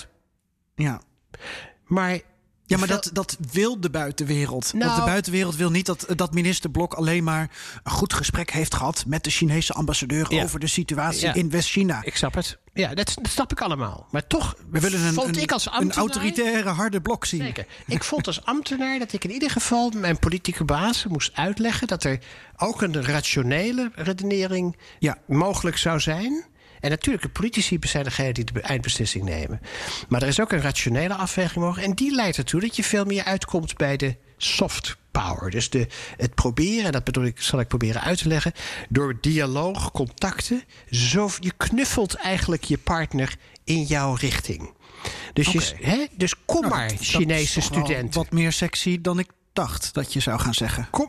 En hoe, en, en hoe knuffelen we dan? Op welke terreinen gaan we Nou, ik knuffelen? noem maar iets op. Je haalt dus heel veel. Oké, Bedoel je China cultureel knuffelen? onderwijs ja, knuffelen? Zeker. Want kijk, de jeugd heeft de toekomst. Ook in China en Rusland. Haal Russische studenten naar Nederland. Ja, maar we hebben nog geen visa-liberalisatie. we, Nee. hebben, eh, we, we hebben Nuffic uh, NESO-kantoren die we sluiten. Ja. Dus we, we, Ja. we zijn niet aan het knuffelen. We We zijn- we zijn, anderhalve, al- anderhalve meter Ja, afstand aan het nou, houden. Je, je, je raadt al wat ik daarvan vind. Dat vind ik dus. Dat zijn contraproductieve maatregelen. Die uiteindelijk ons niet vooruit helpen. Rusland ook niet overigens. De nieuwe generatie ook niet. De nieuwe generatie Russen smacht naar contacten met de buitenwereld. Geef die studenten nou die kans om in Nederland te studeren. Laat dat, verdubbel dat Nuffic-kantoor in, in Moskou in plaats van dat je hem sluit. Eh, v- geef alle studenten een, een, een, een, een, een, een eenvoudig een visum. Ja. Nou, kortom, mijn punt is, als je en dan hoef je niet, dan zeg je tegen meneer Poetin: luister eens, u gaat over hoe u uw land inricht. Maar laat die studenten gewoon eens rondlopen in Nederland. Ik was in januari en februari in Saudi-Arabië als adviseur voor de G20-voorzitterschap van Saudi-Arabië. En ik kwam daar, ik sprak daar met ontzettend veel mensen, eh, mannen en vrouwen, die bezig zijn, nu ook eh, opgewonden zijn van de ontwikkelingen, de positieve ontwikkelingen die er in Saudi-Arabië plaatsvinden op het gebied van, nou ja, hervormingen, beetje mensenrichten, een klein beetje beter. eh, en die hebben allemaal in het Westen gestudeerd. Ik sprak een mevrouw die zegt: Ik woonde vlak bij u in Leiden, meneer Keller. En ik heb daar drie jaar. Ik, ik weet precies, u hoeft dat me niet uit te leggen. Ik weet wat ik zou willen voor Saudi-Arabië. Kijk, zij is degene die in Saudi-Arabië straks in een positie komt dat zij mee kan veranderen. Ja. Ik ben een bezoeker. Ik kan wel zeggen, Saudi-Arabië, je moet dit, dit en dit. De verandering moet van haar komen. Maar ze heeft wel hier drie jaar in Nederland gestudeerd. Ja. En heeft dus gezien hoe het is om een krant te kunnen kopen zonder dat er een religieuze politie over je schouder kijkt. Of kleding te dragen die je, die je prettig vindt, die bij je persoonlijkheid passen. Kortom, zij heeft al die dingen zelf ervaren. Laat zij nou het. Het is hun land. Nou, ik geloof er heilig in dat als je op die manier ehm, eh, landen, samenlevingen, zeg maar, tegemoet treedt en engageert dan heb je twee dingen. Je hebt en een ingebouwde hervormer in die landen zelf. En ten tweede, je hebt uiteindelijk. Ik was dan ambassadeur, voor, formeel. Maar je hebt uiteindelijk honderdduizenden ambassadeurs voor Nederland. Ja. Deze mevrouw in Saudi-Arabië zal nooit meer vergeten. wat een fantastisch land Nederland is. En waar zij kan, zal zij zeggen: Oh, maar ik zou Nederland willen aanraden. Zij is een ambassadeur voor Nederland geworden. En daar hebben we eigenlijk helemaal niet veel voor hoeven te doen. Ja. Ze heeft hier gestudeerd, ze heeft hier ge- gewoond en gewerkt en zo. Is dat niet fantastisch? Ik weet dat ik, eh, Win, win, win. Ja, ik weet dat ik een rol als vragensteller heb, maar ik kan dit met een eigen anekdote aanvullen. Want eh, een paar jaar geleden heb ik in jouw Kiev, eh, een van de vele steden waar je gewoond hebt, heb ik eh, de toenmalig minister van Landbouw geïnterviewd, Ja. meneer Pavlenko. Aha. En meneer Pavlenko heeft op Nijenrode gezeten. Ja? En elke keer als hij een overstap maakte in zijn huidige werk op Schiphol, dan kocht hij altijd bij de Albert Heijn een pakje dubbelvla. Hij was zo dol op onze dubbelvla. Prachtig. En die man is minister van Landbouw geworden. Ja. En heeft een ideaalbeeld gekregen van zuivel. Ja. Van de productie daarvan. Exact. eh, van de efficiëntie. Nou, echt, Jan, jij zegt het. Zo is het. Zo is het helemaal. Meneer Pavlenko is wel na anderhalf jaar moest hij wel weg onder. Oké. eh, maar toch, maar hij heeft weer wat achtergelaten. Hij heeft mensen weer bes- hij heeft dingen in gang gezet. Hij heeft mensen aangeraakt. Hij heeft, en hij verdwijnt niet van de aardbodem. Minister van Onderwijs van Oekraïne heeft aan Maastricht University gezeten. Ja. Internationale universiteit, maar toch, ze heeft Ja. daar rondgelopen. Kortom. Nou, en als je dus vervolgens... Nou, ik ben het 100% Ja, dat dacht ik al, eens. dus ik vul het aan. Ja, heel goed. Daar helemaal eens. Maar als je dus vervolgens zegt, hè, ik hier weer, om veiligheidsredenen willen wij geen deze studenten in Delft meer toelaten. dan moet je goed beseffen, dat klinkt heel stoer.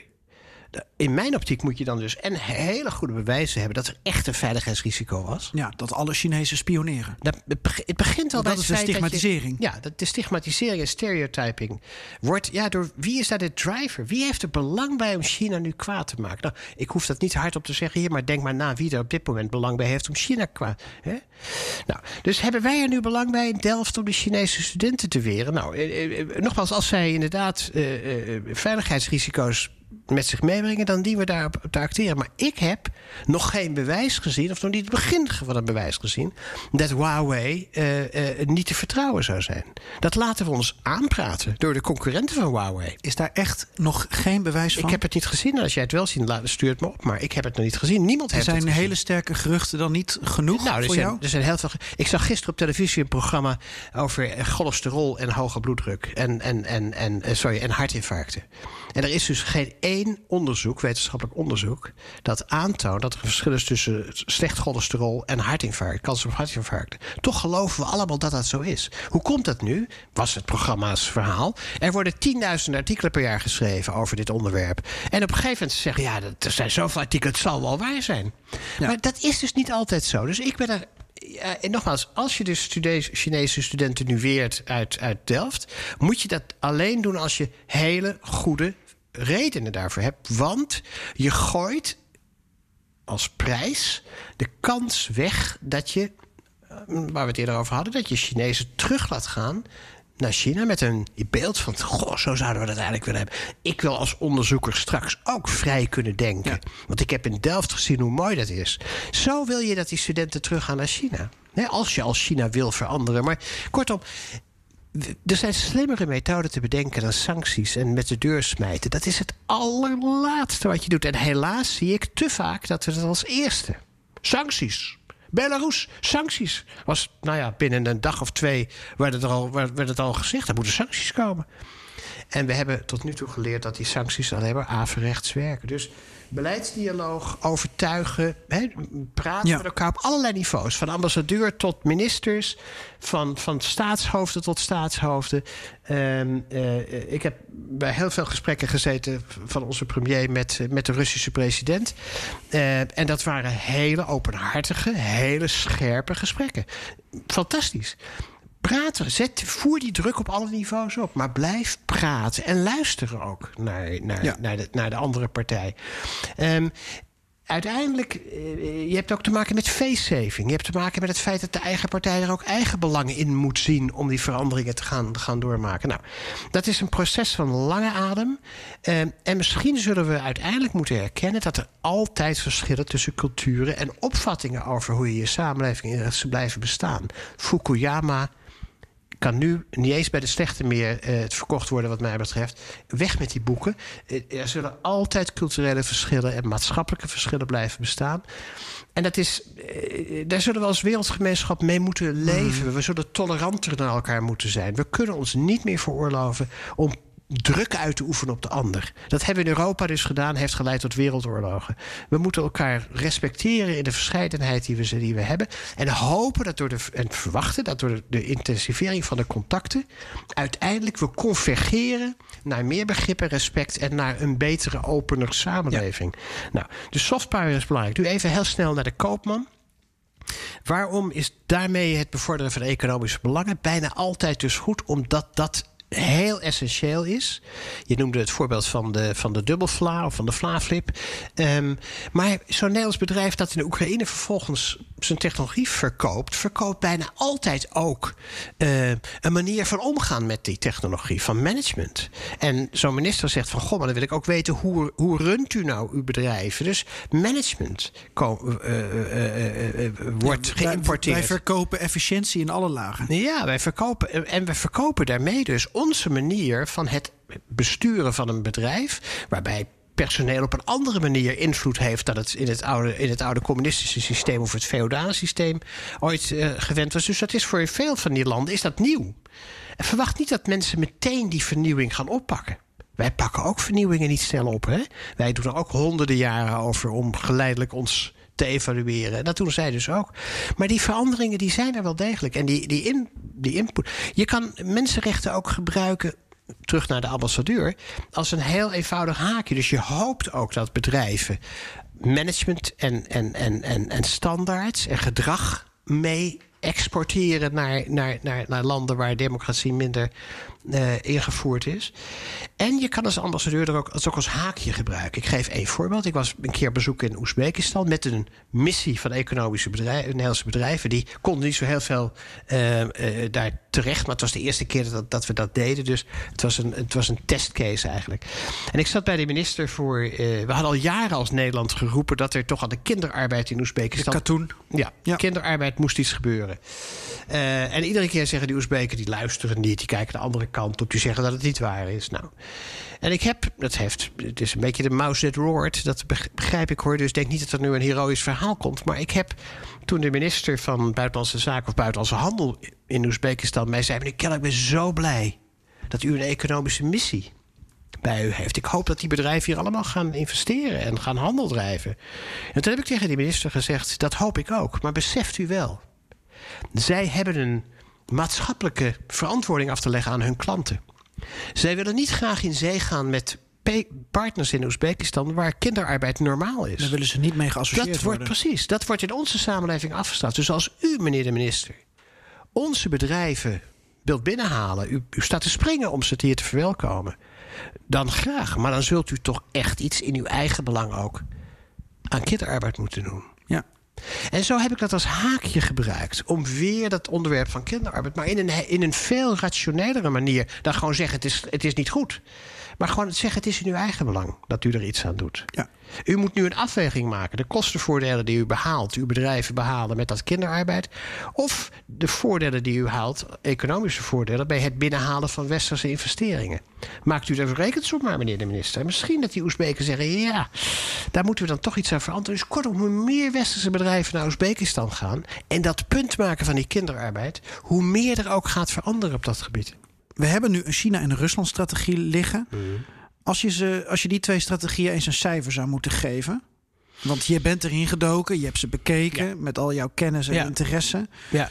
Wat zou je ze voor cijfer geven? Nou, ik, ik, ik, dat ik, laat ik voorop zetten dat ik blij ben dat ze er zijn. Ja. Dus dat is één. Dus daar Dat is al een, een puntje Daar erbij. hebben ze een hele, grote, hele dikke punt voor. Ik moet er wel bij zeggen... ik denk dat een echte strategie... die moet je niet publiek maken. Dat klinkt... Dit, dit, dit is in Nederland tegen een journalist bijna... eh Ja, het bijna niet mogen Tegen transparantie. Nou ja, omdat je met transparantie dus ook jezelf beperkingen oplegt. Hè? Dus ik denk dat je bepaalde overwegingen niet in zo'n papier kwijt kan. Maar wat je bedoelt dat je in, in je kaarten laat kijken? Nou ja, je laat je in je kaarten kijken. Dus het is niet dat we jou niet vertrouwen of de Nederlandse pers. Maar je wil de, Russen niet alle overwegingen meegeven van waarom we bepaalde dingen wel of niet doen. Dus je, je wil gewoon simpelweg. Je, dat is ook een Nederlands belang. Dat is ook, dat is ook een kwestie van beveiliging. Ehm, dus de, deze, dit zijn publieke stukken. En daarmee hebben ze het karakter van een boodschappenlijstje. Van een echte explicitering van de afwegingen, de trade-offs.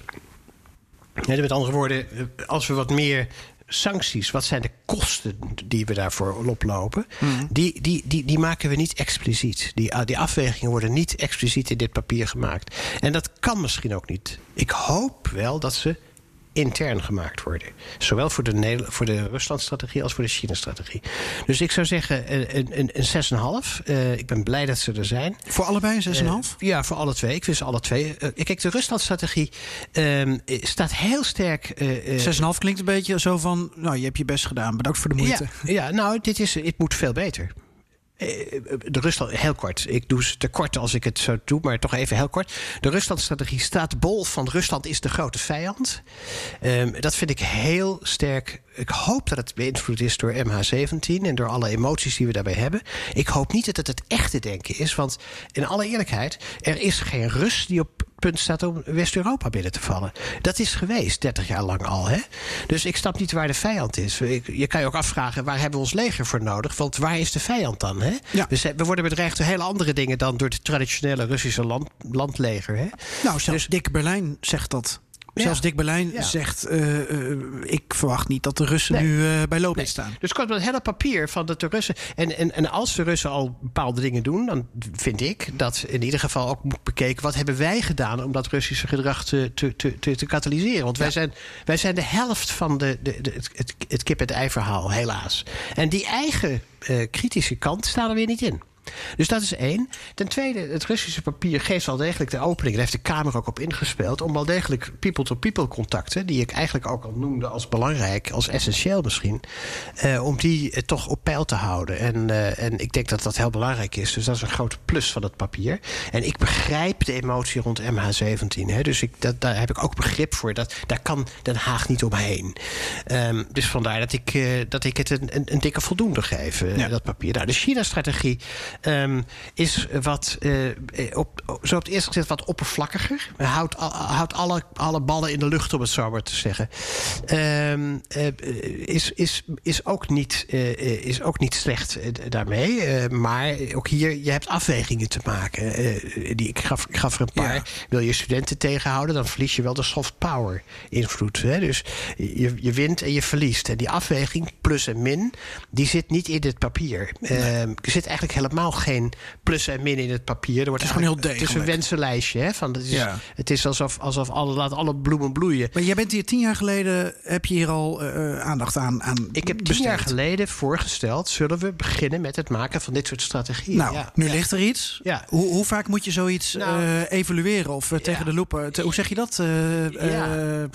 Tegen de loep, tegen de lamp? Tegen de- tegen Bekijk. het licht houden. Tegen het licht, dat is het ja. Ik heb tien jaar geleden, het- durf ik in alle onbescheidenheid te zeggen, het initiatief genomen om zo'n strategie te gaan maken. Ik, toen ik in Moskou aankwam, was er niets.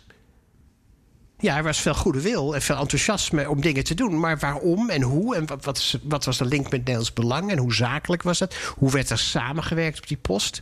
Dat kon allemaal beter. Nou, dat heeft die strategie in 2010, heeft dat, eh, dat was toen een intern stuk, heeft dat voor elkaar ge- gekregen om in ieder geval meer coherentie en meer effectiviteit tot stand te brengen. Ehm, ik heb toen gezegd tegen Den Haag: ik denk dat het goed is om eens per vijf jaar. Ehm, eh, want het, be- het beleid voor mij, nu maak ik een karikatuur, maar eigenlijk bepaalde iedere ambassadeur. De ene ging naar links, de andere ging naar rechts, de derde ging naar achteren, de vierde ging naar voren. En ik heb gezegd: dat moet natuurlijk niet zo zijn. Iedere ambassadeur dient de Nederlandse belangen uit Ja. te voeren. Dus zo'n strategie is in ieder geval langer dan de zittingsduur van een ambassadeur. Dat moet een plan zijn dat, dat, dat vaststaat. Hè? Als er na mij een, een chimpansee wordt benoemd in Beijing, dan gaan we geen bananen verbouwen daar. Nee, dat, dat het plan is getrokken. De belangen zijn immers niet zo veranderlijk.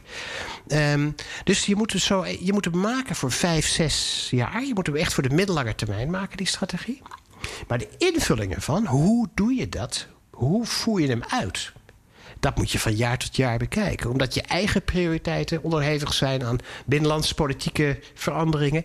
En de wereld verandert. De omstandigheden veranderen. Er komen opeens externe ontwikkelingen bij. Dus je moet hem jaarlijks je uitvoering updaten. Maar de strategie moet je voor vijf, zes, zeven jaar. Die moet echt bestendig zijn voor de middellange termijn. Ja. Nu ben ik benieuwd of jij ideeën hebt voor een Turkije-strategie. Ja, en ik heb Z- toen- Ten eerste zou je vinden dat die, dat die er moet komen. Ik heb tien jaar geleden was heel blij dat eh, Den Haag zei: laten we dat maar doen. En niet alleen een strategie voor buitenlandse zaken, maar een strategie dus voor alle departementen, hè, voor de hele Rijksoverheid in Rusland. Oké. Dat is ook een beetje het. het- daarom geef ik ze nog niet een, een hele dikke voldoende. Beide papieren zijn erg BZ-papieren. Er staat nog te weinig eigenlijk in van wat die andere departementen nou met zo'n land willen. Terwijl eh, die landen ook belangen hebben in China en Rusland enzovoort. Dus één.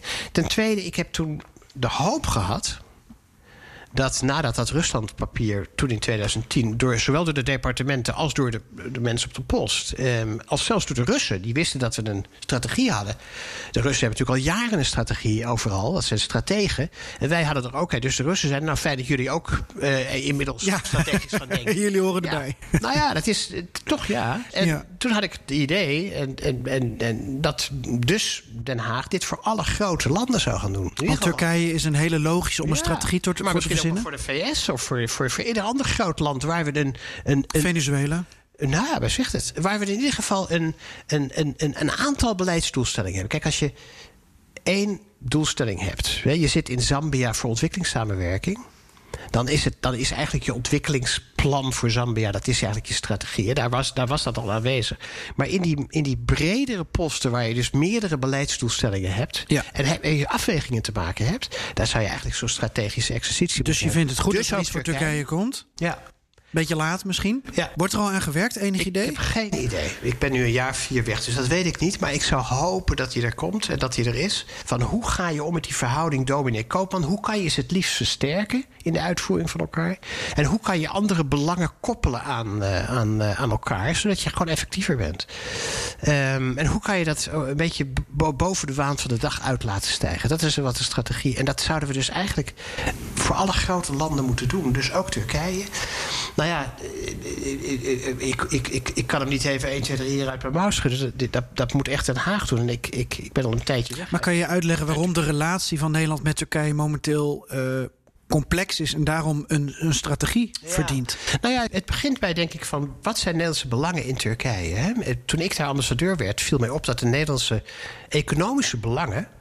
Die waren eh, heel sterk aan het teruglopen. Wij waren, van, van, we waren in, alle, in alle grote landen ter wereld zijn wij in de top 5 van handels- of investeringspartners. In Turkije waren wij toen ik aankwam nummer 12. Wat gek. En we zakten al heel snel af naar nummer 16 en 18 en zo. Ja. En wat was daar nou aan de hand? En je zou zeggen, met die grote Turks-Nederlandse gemeenschap... zou je juist verwachten dat er nog meer aangrijpingspunten zijn. Nou, ik, ik ga nu die puzzel niet oplossen... maar ik heb mij toen voorgenomen dat een van de speerpunten zou zijn... we moeten terug in de top 5. Want waarom zouden we in Turkije niet? Daar zouden we in de top 3 moeten zijn, misschien wel. Dus dat is, eh, dat is nadrukkelijk een speerpunt, zou ik bijna zeggen. Hè? Ehm, het heeft ermee te maken dat veel Nederlandse bedrijven in, in Istanbul blijven hangen. En de rest van Turkije is door Erdogan in ontwikkeling gebracht. En Nederlandse bedrijven hebben die slag niet gemaakt. Maar Nederlandse ambassades, netwerk, ook niet. Terwijl we in andere landen, grote landen als Rusland en China wel Zijn we verder iets- keken. Zijn we iets breder eh, actief ook als Oké. ambassadenetwerk, hè? Dat was toen een van mijn uitdagingen om Nederlands bedrijven over die Bosporus te krijgen. Ehm, Ik zie het helemaal voor me. Je vertelt het dus heel dat is- beeldend. ja, kom maar, jongens. Pak die boot. ja, ja, ja. Ja. Ehm, maar moeten we aan de andere kant wel iets zijn natuurlijk om ze, om ze te ontvangen, hè? Want anders dan is het een nutteloze tocht natuurlijk. Dat moet natuurlijk wel een Ja. ontvangende kant. Vandaar dat mijn ambassade ook veel meer economisch werk moest doen, vond ik toen. Hè? Ehm, nou ja, dus dat is één. Ehm, eh, ja, eh, Tur- Turkije en, en, en, en mensenrechten. Ehm, eh, ja, ik, weet niet wat daar nou precies het probleem mee is. Kijk, de mensenrechten in Turkije zijn ik ga nu heel erg de diepte in, maar de mensen, dat is een misverstand. Wij denken dat onder Erdogan het allemaal heel erg is geworden in Turkije met mensenrechten.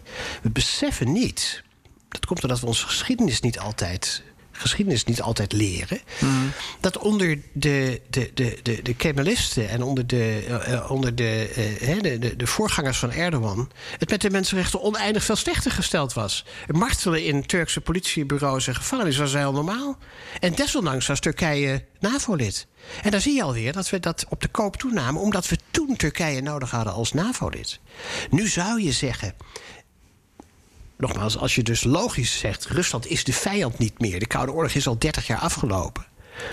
Ehm, ja, dat NAVO-lidmaatschap van Turkije, is dat nou zo heilig dat we daar, zeg maar, dus. Hè, dus we zouden iets actiever misschien de mensenrechten kunnen articuleren naar de, Chine- naar de Turken toe.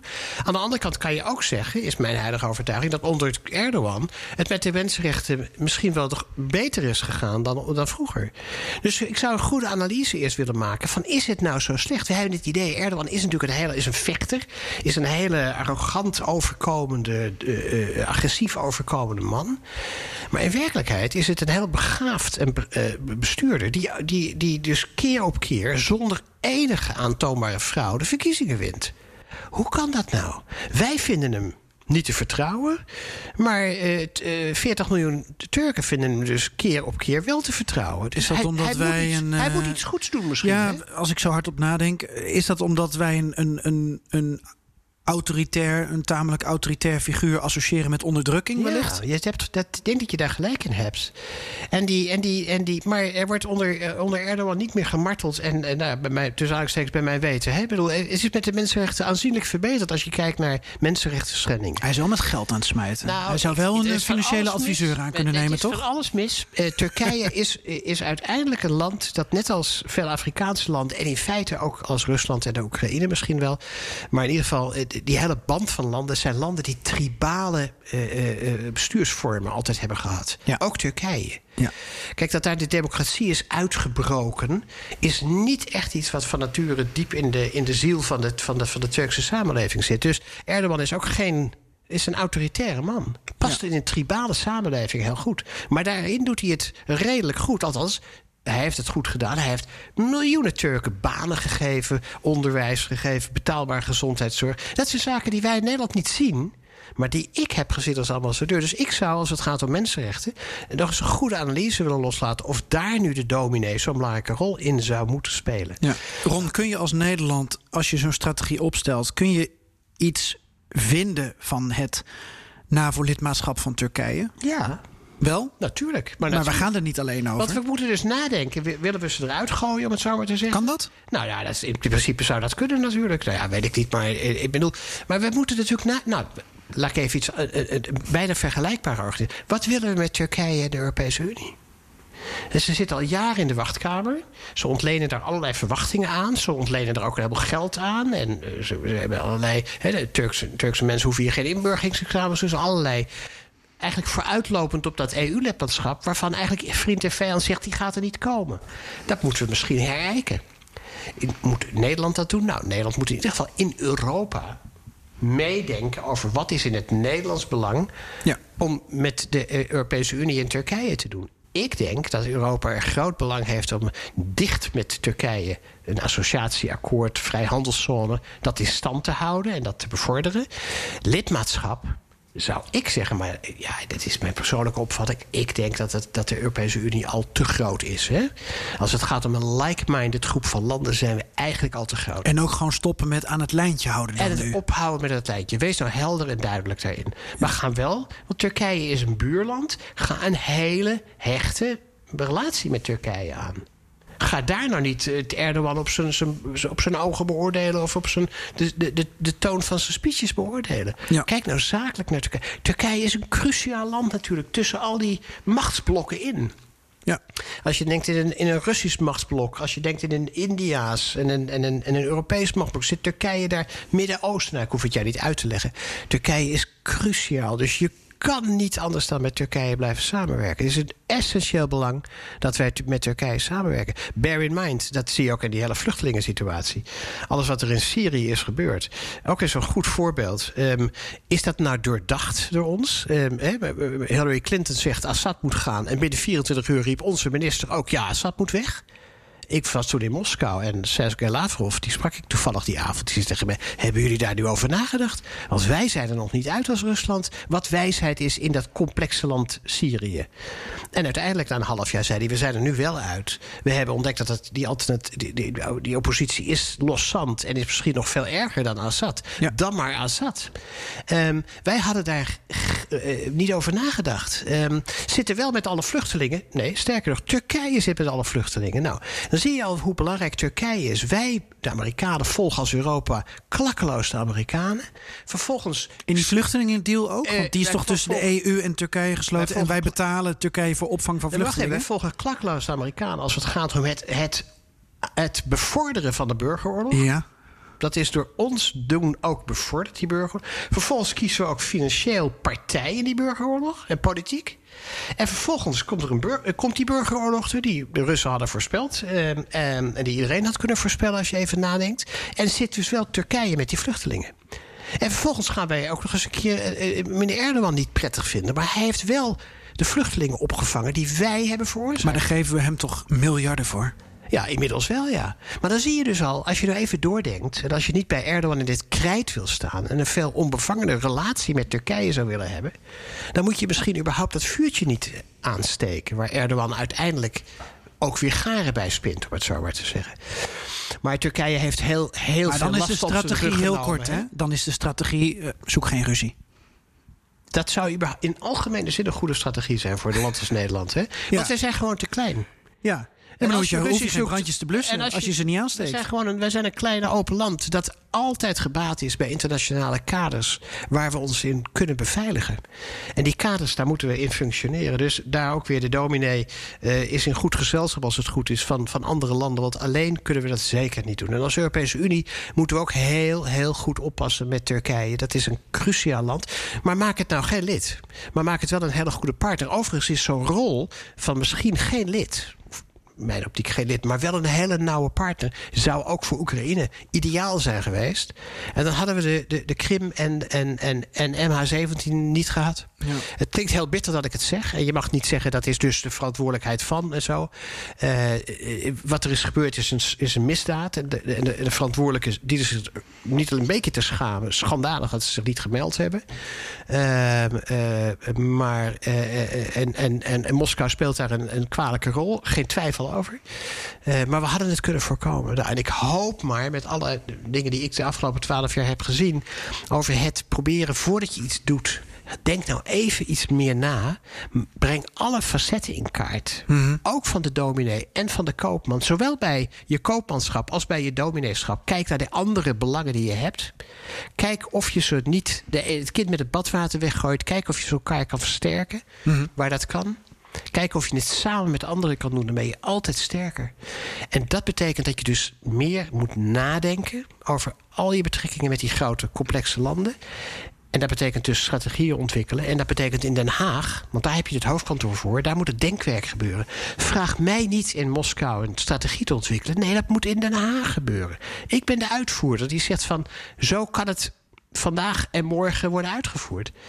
De verantwoordelijkheid daarvan ligt in Den Haag. En dat is iets waar Den Haag, denk ik, nog onvoldoende werk van maakt. En, en, en daar zijn die departementen voor. Daar zitten al die duizenden ambtenaren voor in Den Haag om dat denkwerk te verrichten. De uitvoering kan die die posten wel doen. Ja. Ron, als je hier zo 100 minuten over praat, ruim anderhalf uur, over deze landen waar je hebt gewerkt, eh, waar de waan van de dag regeert, maar waar strategie heel belangrijk is. ja. Eh, Als, als ik als laatste vraag dan, dan mag stellen. eh, zou er een plek zijn, als jij weer ambassadeur zou kunnen zijn, zou er een plek zijn, misschien heb je er al gezeten, misschien een ander land, waar je wel eens over hebt nagedacht van nou, daar zou ik nog wel eens de, de schouders onder, onder willen zetten. Ook al ben je natuurlijk de uitvoerder hè, en ben je niet de beleidsbepaler, maar waar, waar zou je nog een uitdaging in zien? Want ja, je zit nog wel vol, vol vuur en ideeën. Ja, je merkt al dat mijn vuur er nog is. Dat ik, eigenlijk richt mijn vuur zich op wat er in Den Haag aan infrastructuur zou moeten ontstaan. Zodat we en de politieke realiteit een plek kunnen geven. En ook het goed nadenken over het eigen belang. In plaats van dat ook ambtenaren in Den Haag achter de waan van de dag aan lopen. Dat doen die mensen op de post al genoeg. Dus dat, daar zou mijn echte vuur liggen. Hè? Maar goed, dat is, ik, heb, ik, ben, ik heb zoveel jaar in Den Haag gezeten. Dat is mooi geweest. Ehm, nee, als ik, als ik ergens, ehm, als ik ergens eh, eh, heel, heel gemotiveerd voor zou worden, dan zou dat zijn eh, om te werken voor of met of.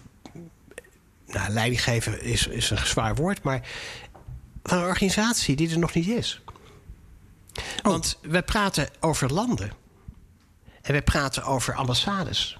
En we praten over. eh, eh, eigenlijk alles waar alle onderwerpen die we bespraken zijn grensoverschrijdende problemen. Ja. En, en uitdagingen en belangen. Ehm, maar mijn heilige overtuiging is dat we, eh, eh, dat we, dat we als het gaat om het bes- mondiale bestuursniveau. Dat we nog een laag missen. Een essentiële laag missen. En de mensheid heeft altijd met een vertraging die laag aangebracht. Hè? Op het moment dat de, de, de mensen van, van stammen, van, van families naar stammen gingen. En van stammen naar, naar, naar nomaden. En van nomaden naar steden. En van steden naar kleine stadstaatjes. En naar grotere staten en naar landen. En iedere keer hebben we ons bestuursniveau opgeschaald. Wij hebben dat in Nederland gedaan eh, toen we de Spanjaarden eruit wilden kieperen.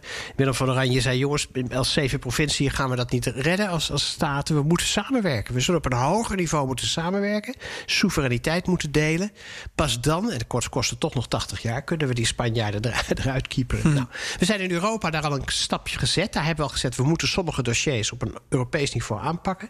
Dat klinkt zo logisch, maar we, we doen het maar niet, omdat we die nationale, we blijven maar hangen aan die En ik ben er echt diep van overtuigd. En ik zie dat zowel als het gaat om de aanpak van de corona. hadden we acht jaar geleden maar, zoals Obama zei. hadden we toen maar heel veel geld en kennis in de WHO gestopt.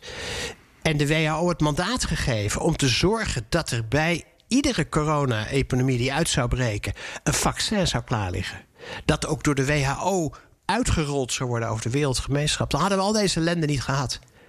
En zelfs nu nog beseffen we niet dat dat de les is die we zouden moeten trekken. Nu, eh, de farmaceutische industrie gaat geen vaccins vooruit maken. Dat is een publieke zaak. Dat moeten we dus, hadden we vooruit moeten doen. Daar hebben we die VN voor. Ja. Maar de WHO is een zwakke organisatie. Wordt zelfs nog verzwakt doordat de Amerikanen er zelfs nog uittrekken. We vertrouwen de VN niet. We vinden dat allemaal papierwerk. Het is het beste wat de mensen ooit gemaakt hebben, de VN. Hè? Als je naar de wereld, wereld... Maar we moeten een VN plus maken. We zullen dus klimaat gaan we nooit. We zullen nooit het klimaatverandering kunnen beheersen, beheersbaar maken. als we niet een klimaatautoriteit gaan opzetten. die ook autoriteit boven de landen heeft. Waar we inmiddels mondiale uitdagingen hebben, grensoverschrijdende uitdagingen hebben. waarbij landen met elkaar in concurrentie zijn. Van, hé, als mijn buurman maar wat meer aan het klimaat doet, hoef ik minder te doen. Je ziet het zelf doen, al denken, hè? Ja. Weet je wat, als de, denken de, de Amerikanen, als daar de Chinezen het allemaal doen, hoeven wij het straks niet te doen. En andersom.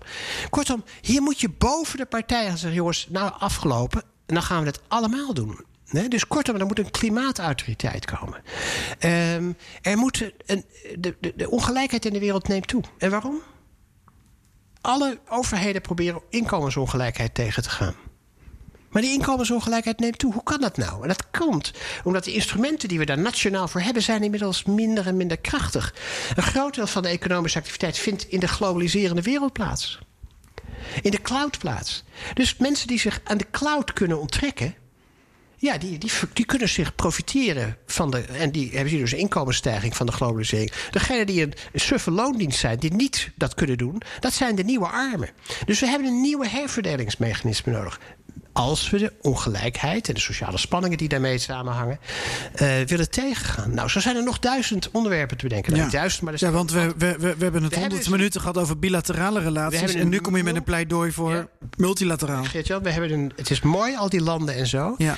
Er moet op termijn moeten er Europese ambassades komen. Geen Nederlandse ambassades meer. Wij, denken wij zijn een, onderdeel, een klein onderdeel van Europa. Zoals er, in, er zijn ook geen Friese ambassades, er Gelderse ambassades.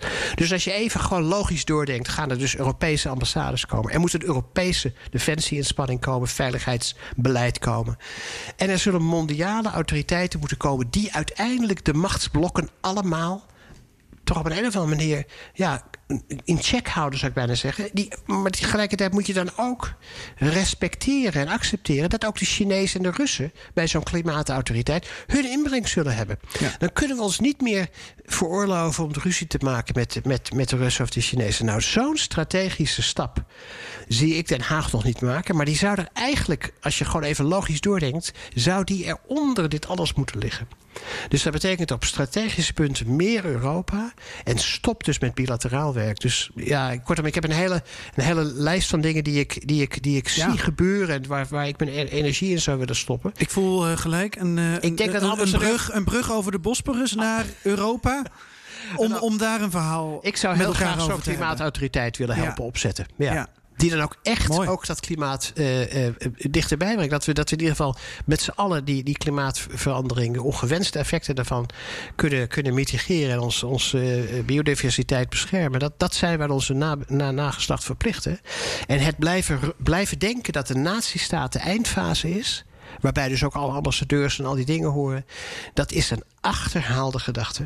Die op termijn uiteindelijk leidt tot, tot, tot, tot chaos. Want we zullen spanningen zien toenemen. Met die mondiale uitdagingen. Die zullen uiteindelijk bilaterale spanningen gaan Ja. opleveren. Eh, en dan vrees ik dat. eh, een alternatief, als we niet die stap naar voorwaarts maken op vreedzame wijze, is dat we doen wat we altijd hebben gedaan: dat we eerst een conflict zullen moeten zoeken, of meerdere conflicten. Voordat we zeggen, ja, we moeten misschien toch op een hoger niveau ons organiseren. En wij weten allemaal dat een conflict tegenwoordig zal helaas geen winnaars meer hebben. We sluiten af met grote samenwerking. Maar ik dank je toch voor dit bilateraaltje. En eh, dankjewel. Ik heb het met veel plezier gedaan. Dank voor alle aandacht en Dankjewel voor voor de kans. de, voor de koffie. Graag gedaan, En mijn koekje moet ik nog opeten. Dankjewel. Dus, ehm, Tot- en ik weet weer een beetje meer over eh eh, eh, Nou. Kominee, nu zeg ik zelfs Kominee. Over koopman en dominee en hoe dat eh, samen zou kunnen gaan. Nou, met veel plezier gedaan. Veel succes bij BNR. Dankjewel. Ja, dankjewel voor de winst. Hoe dan? Hoe dan? Hoe dan?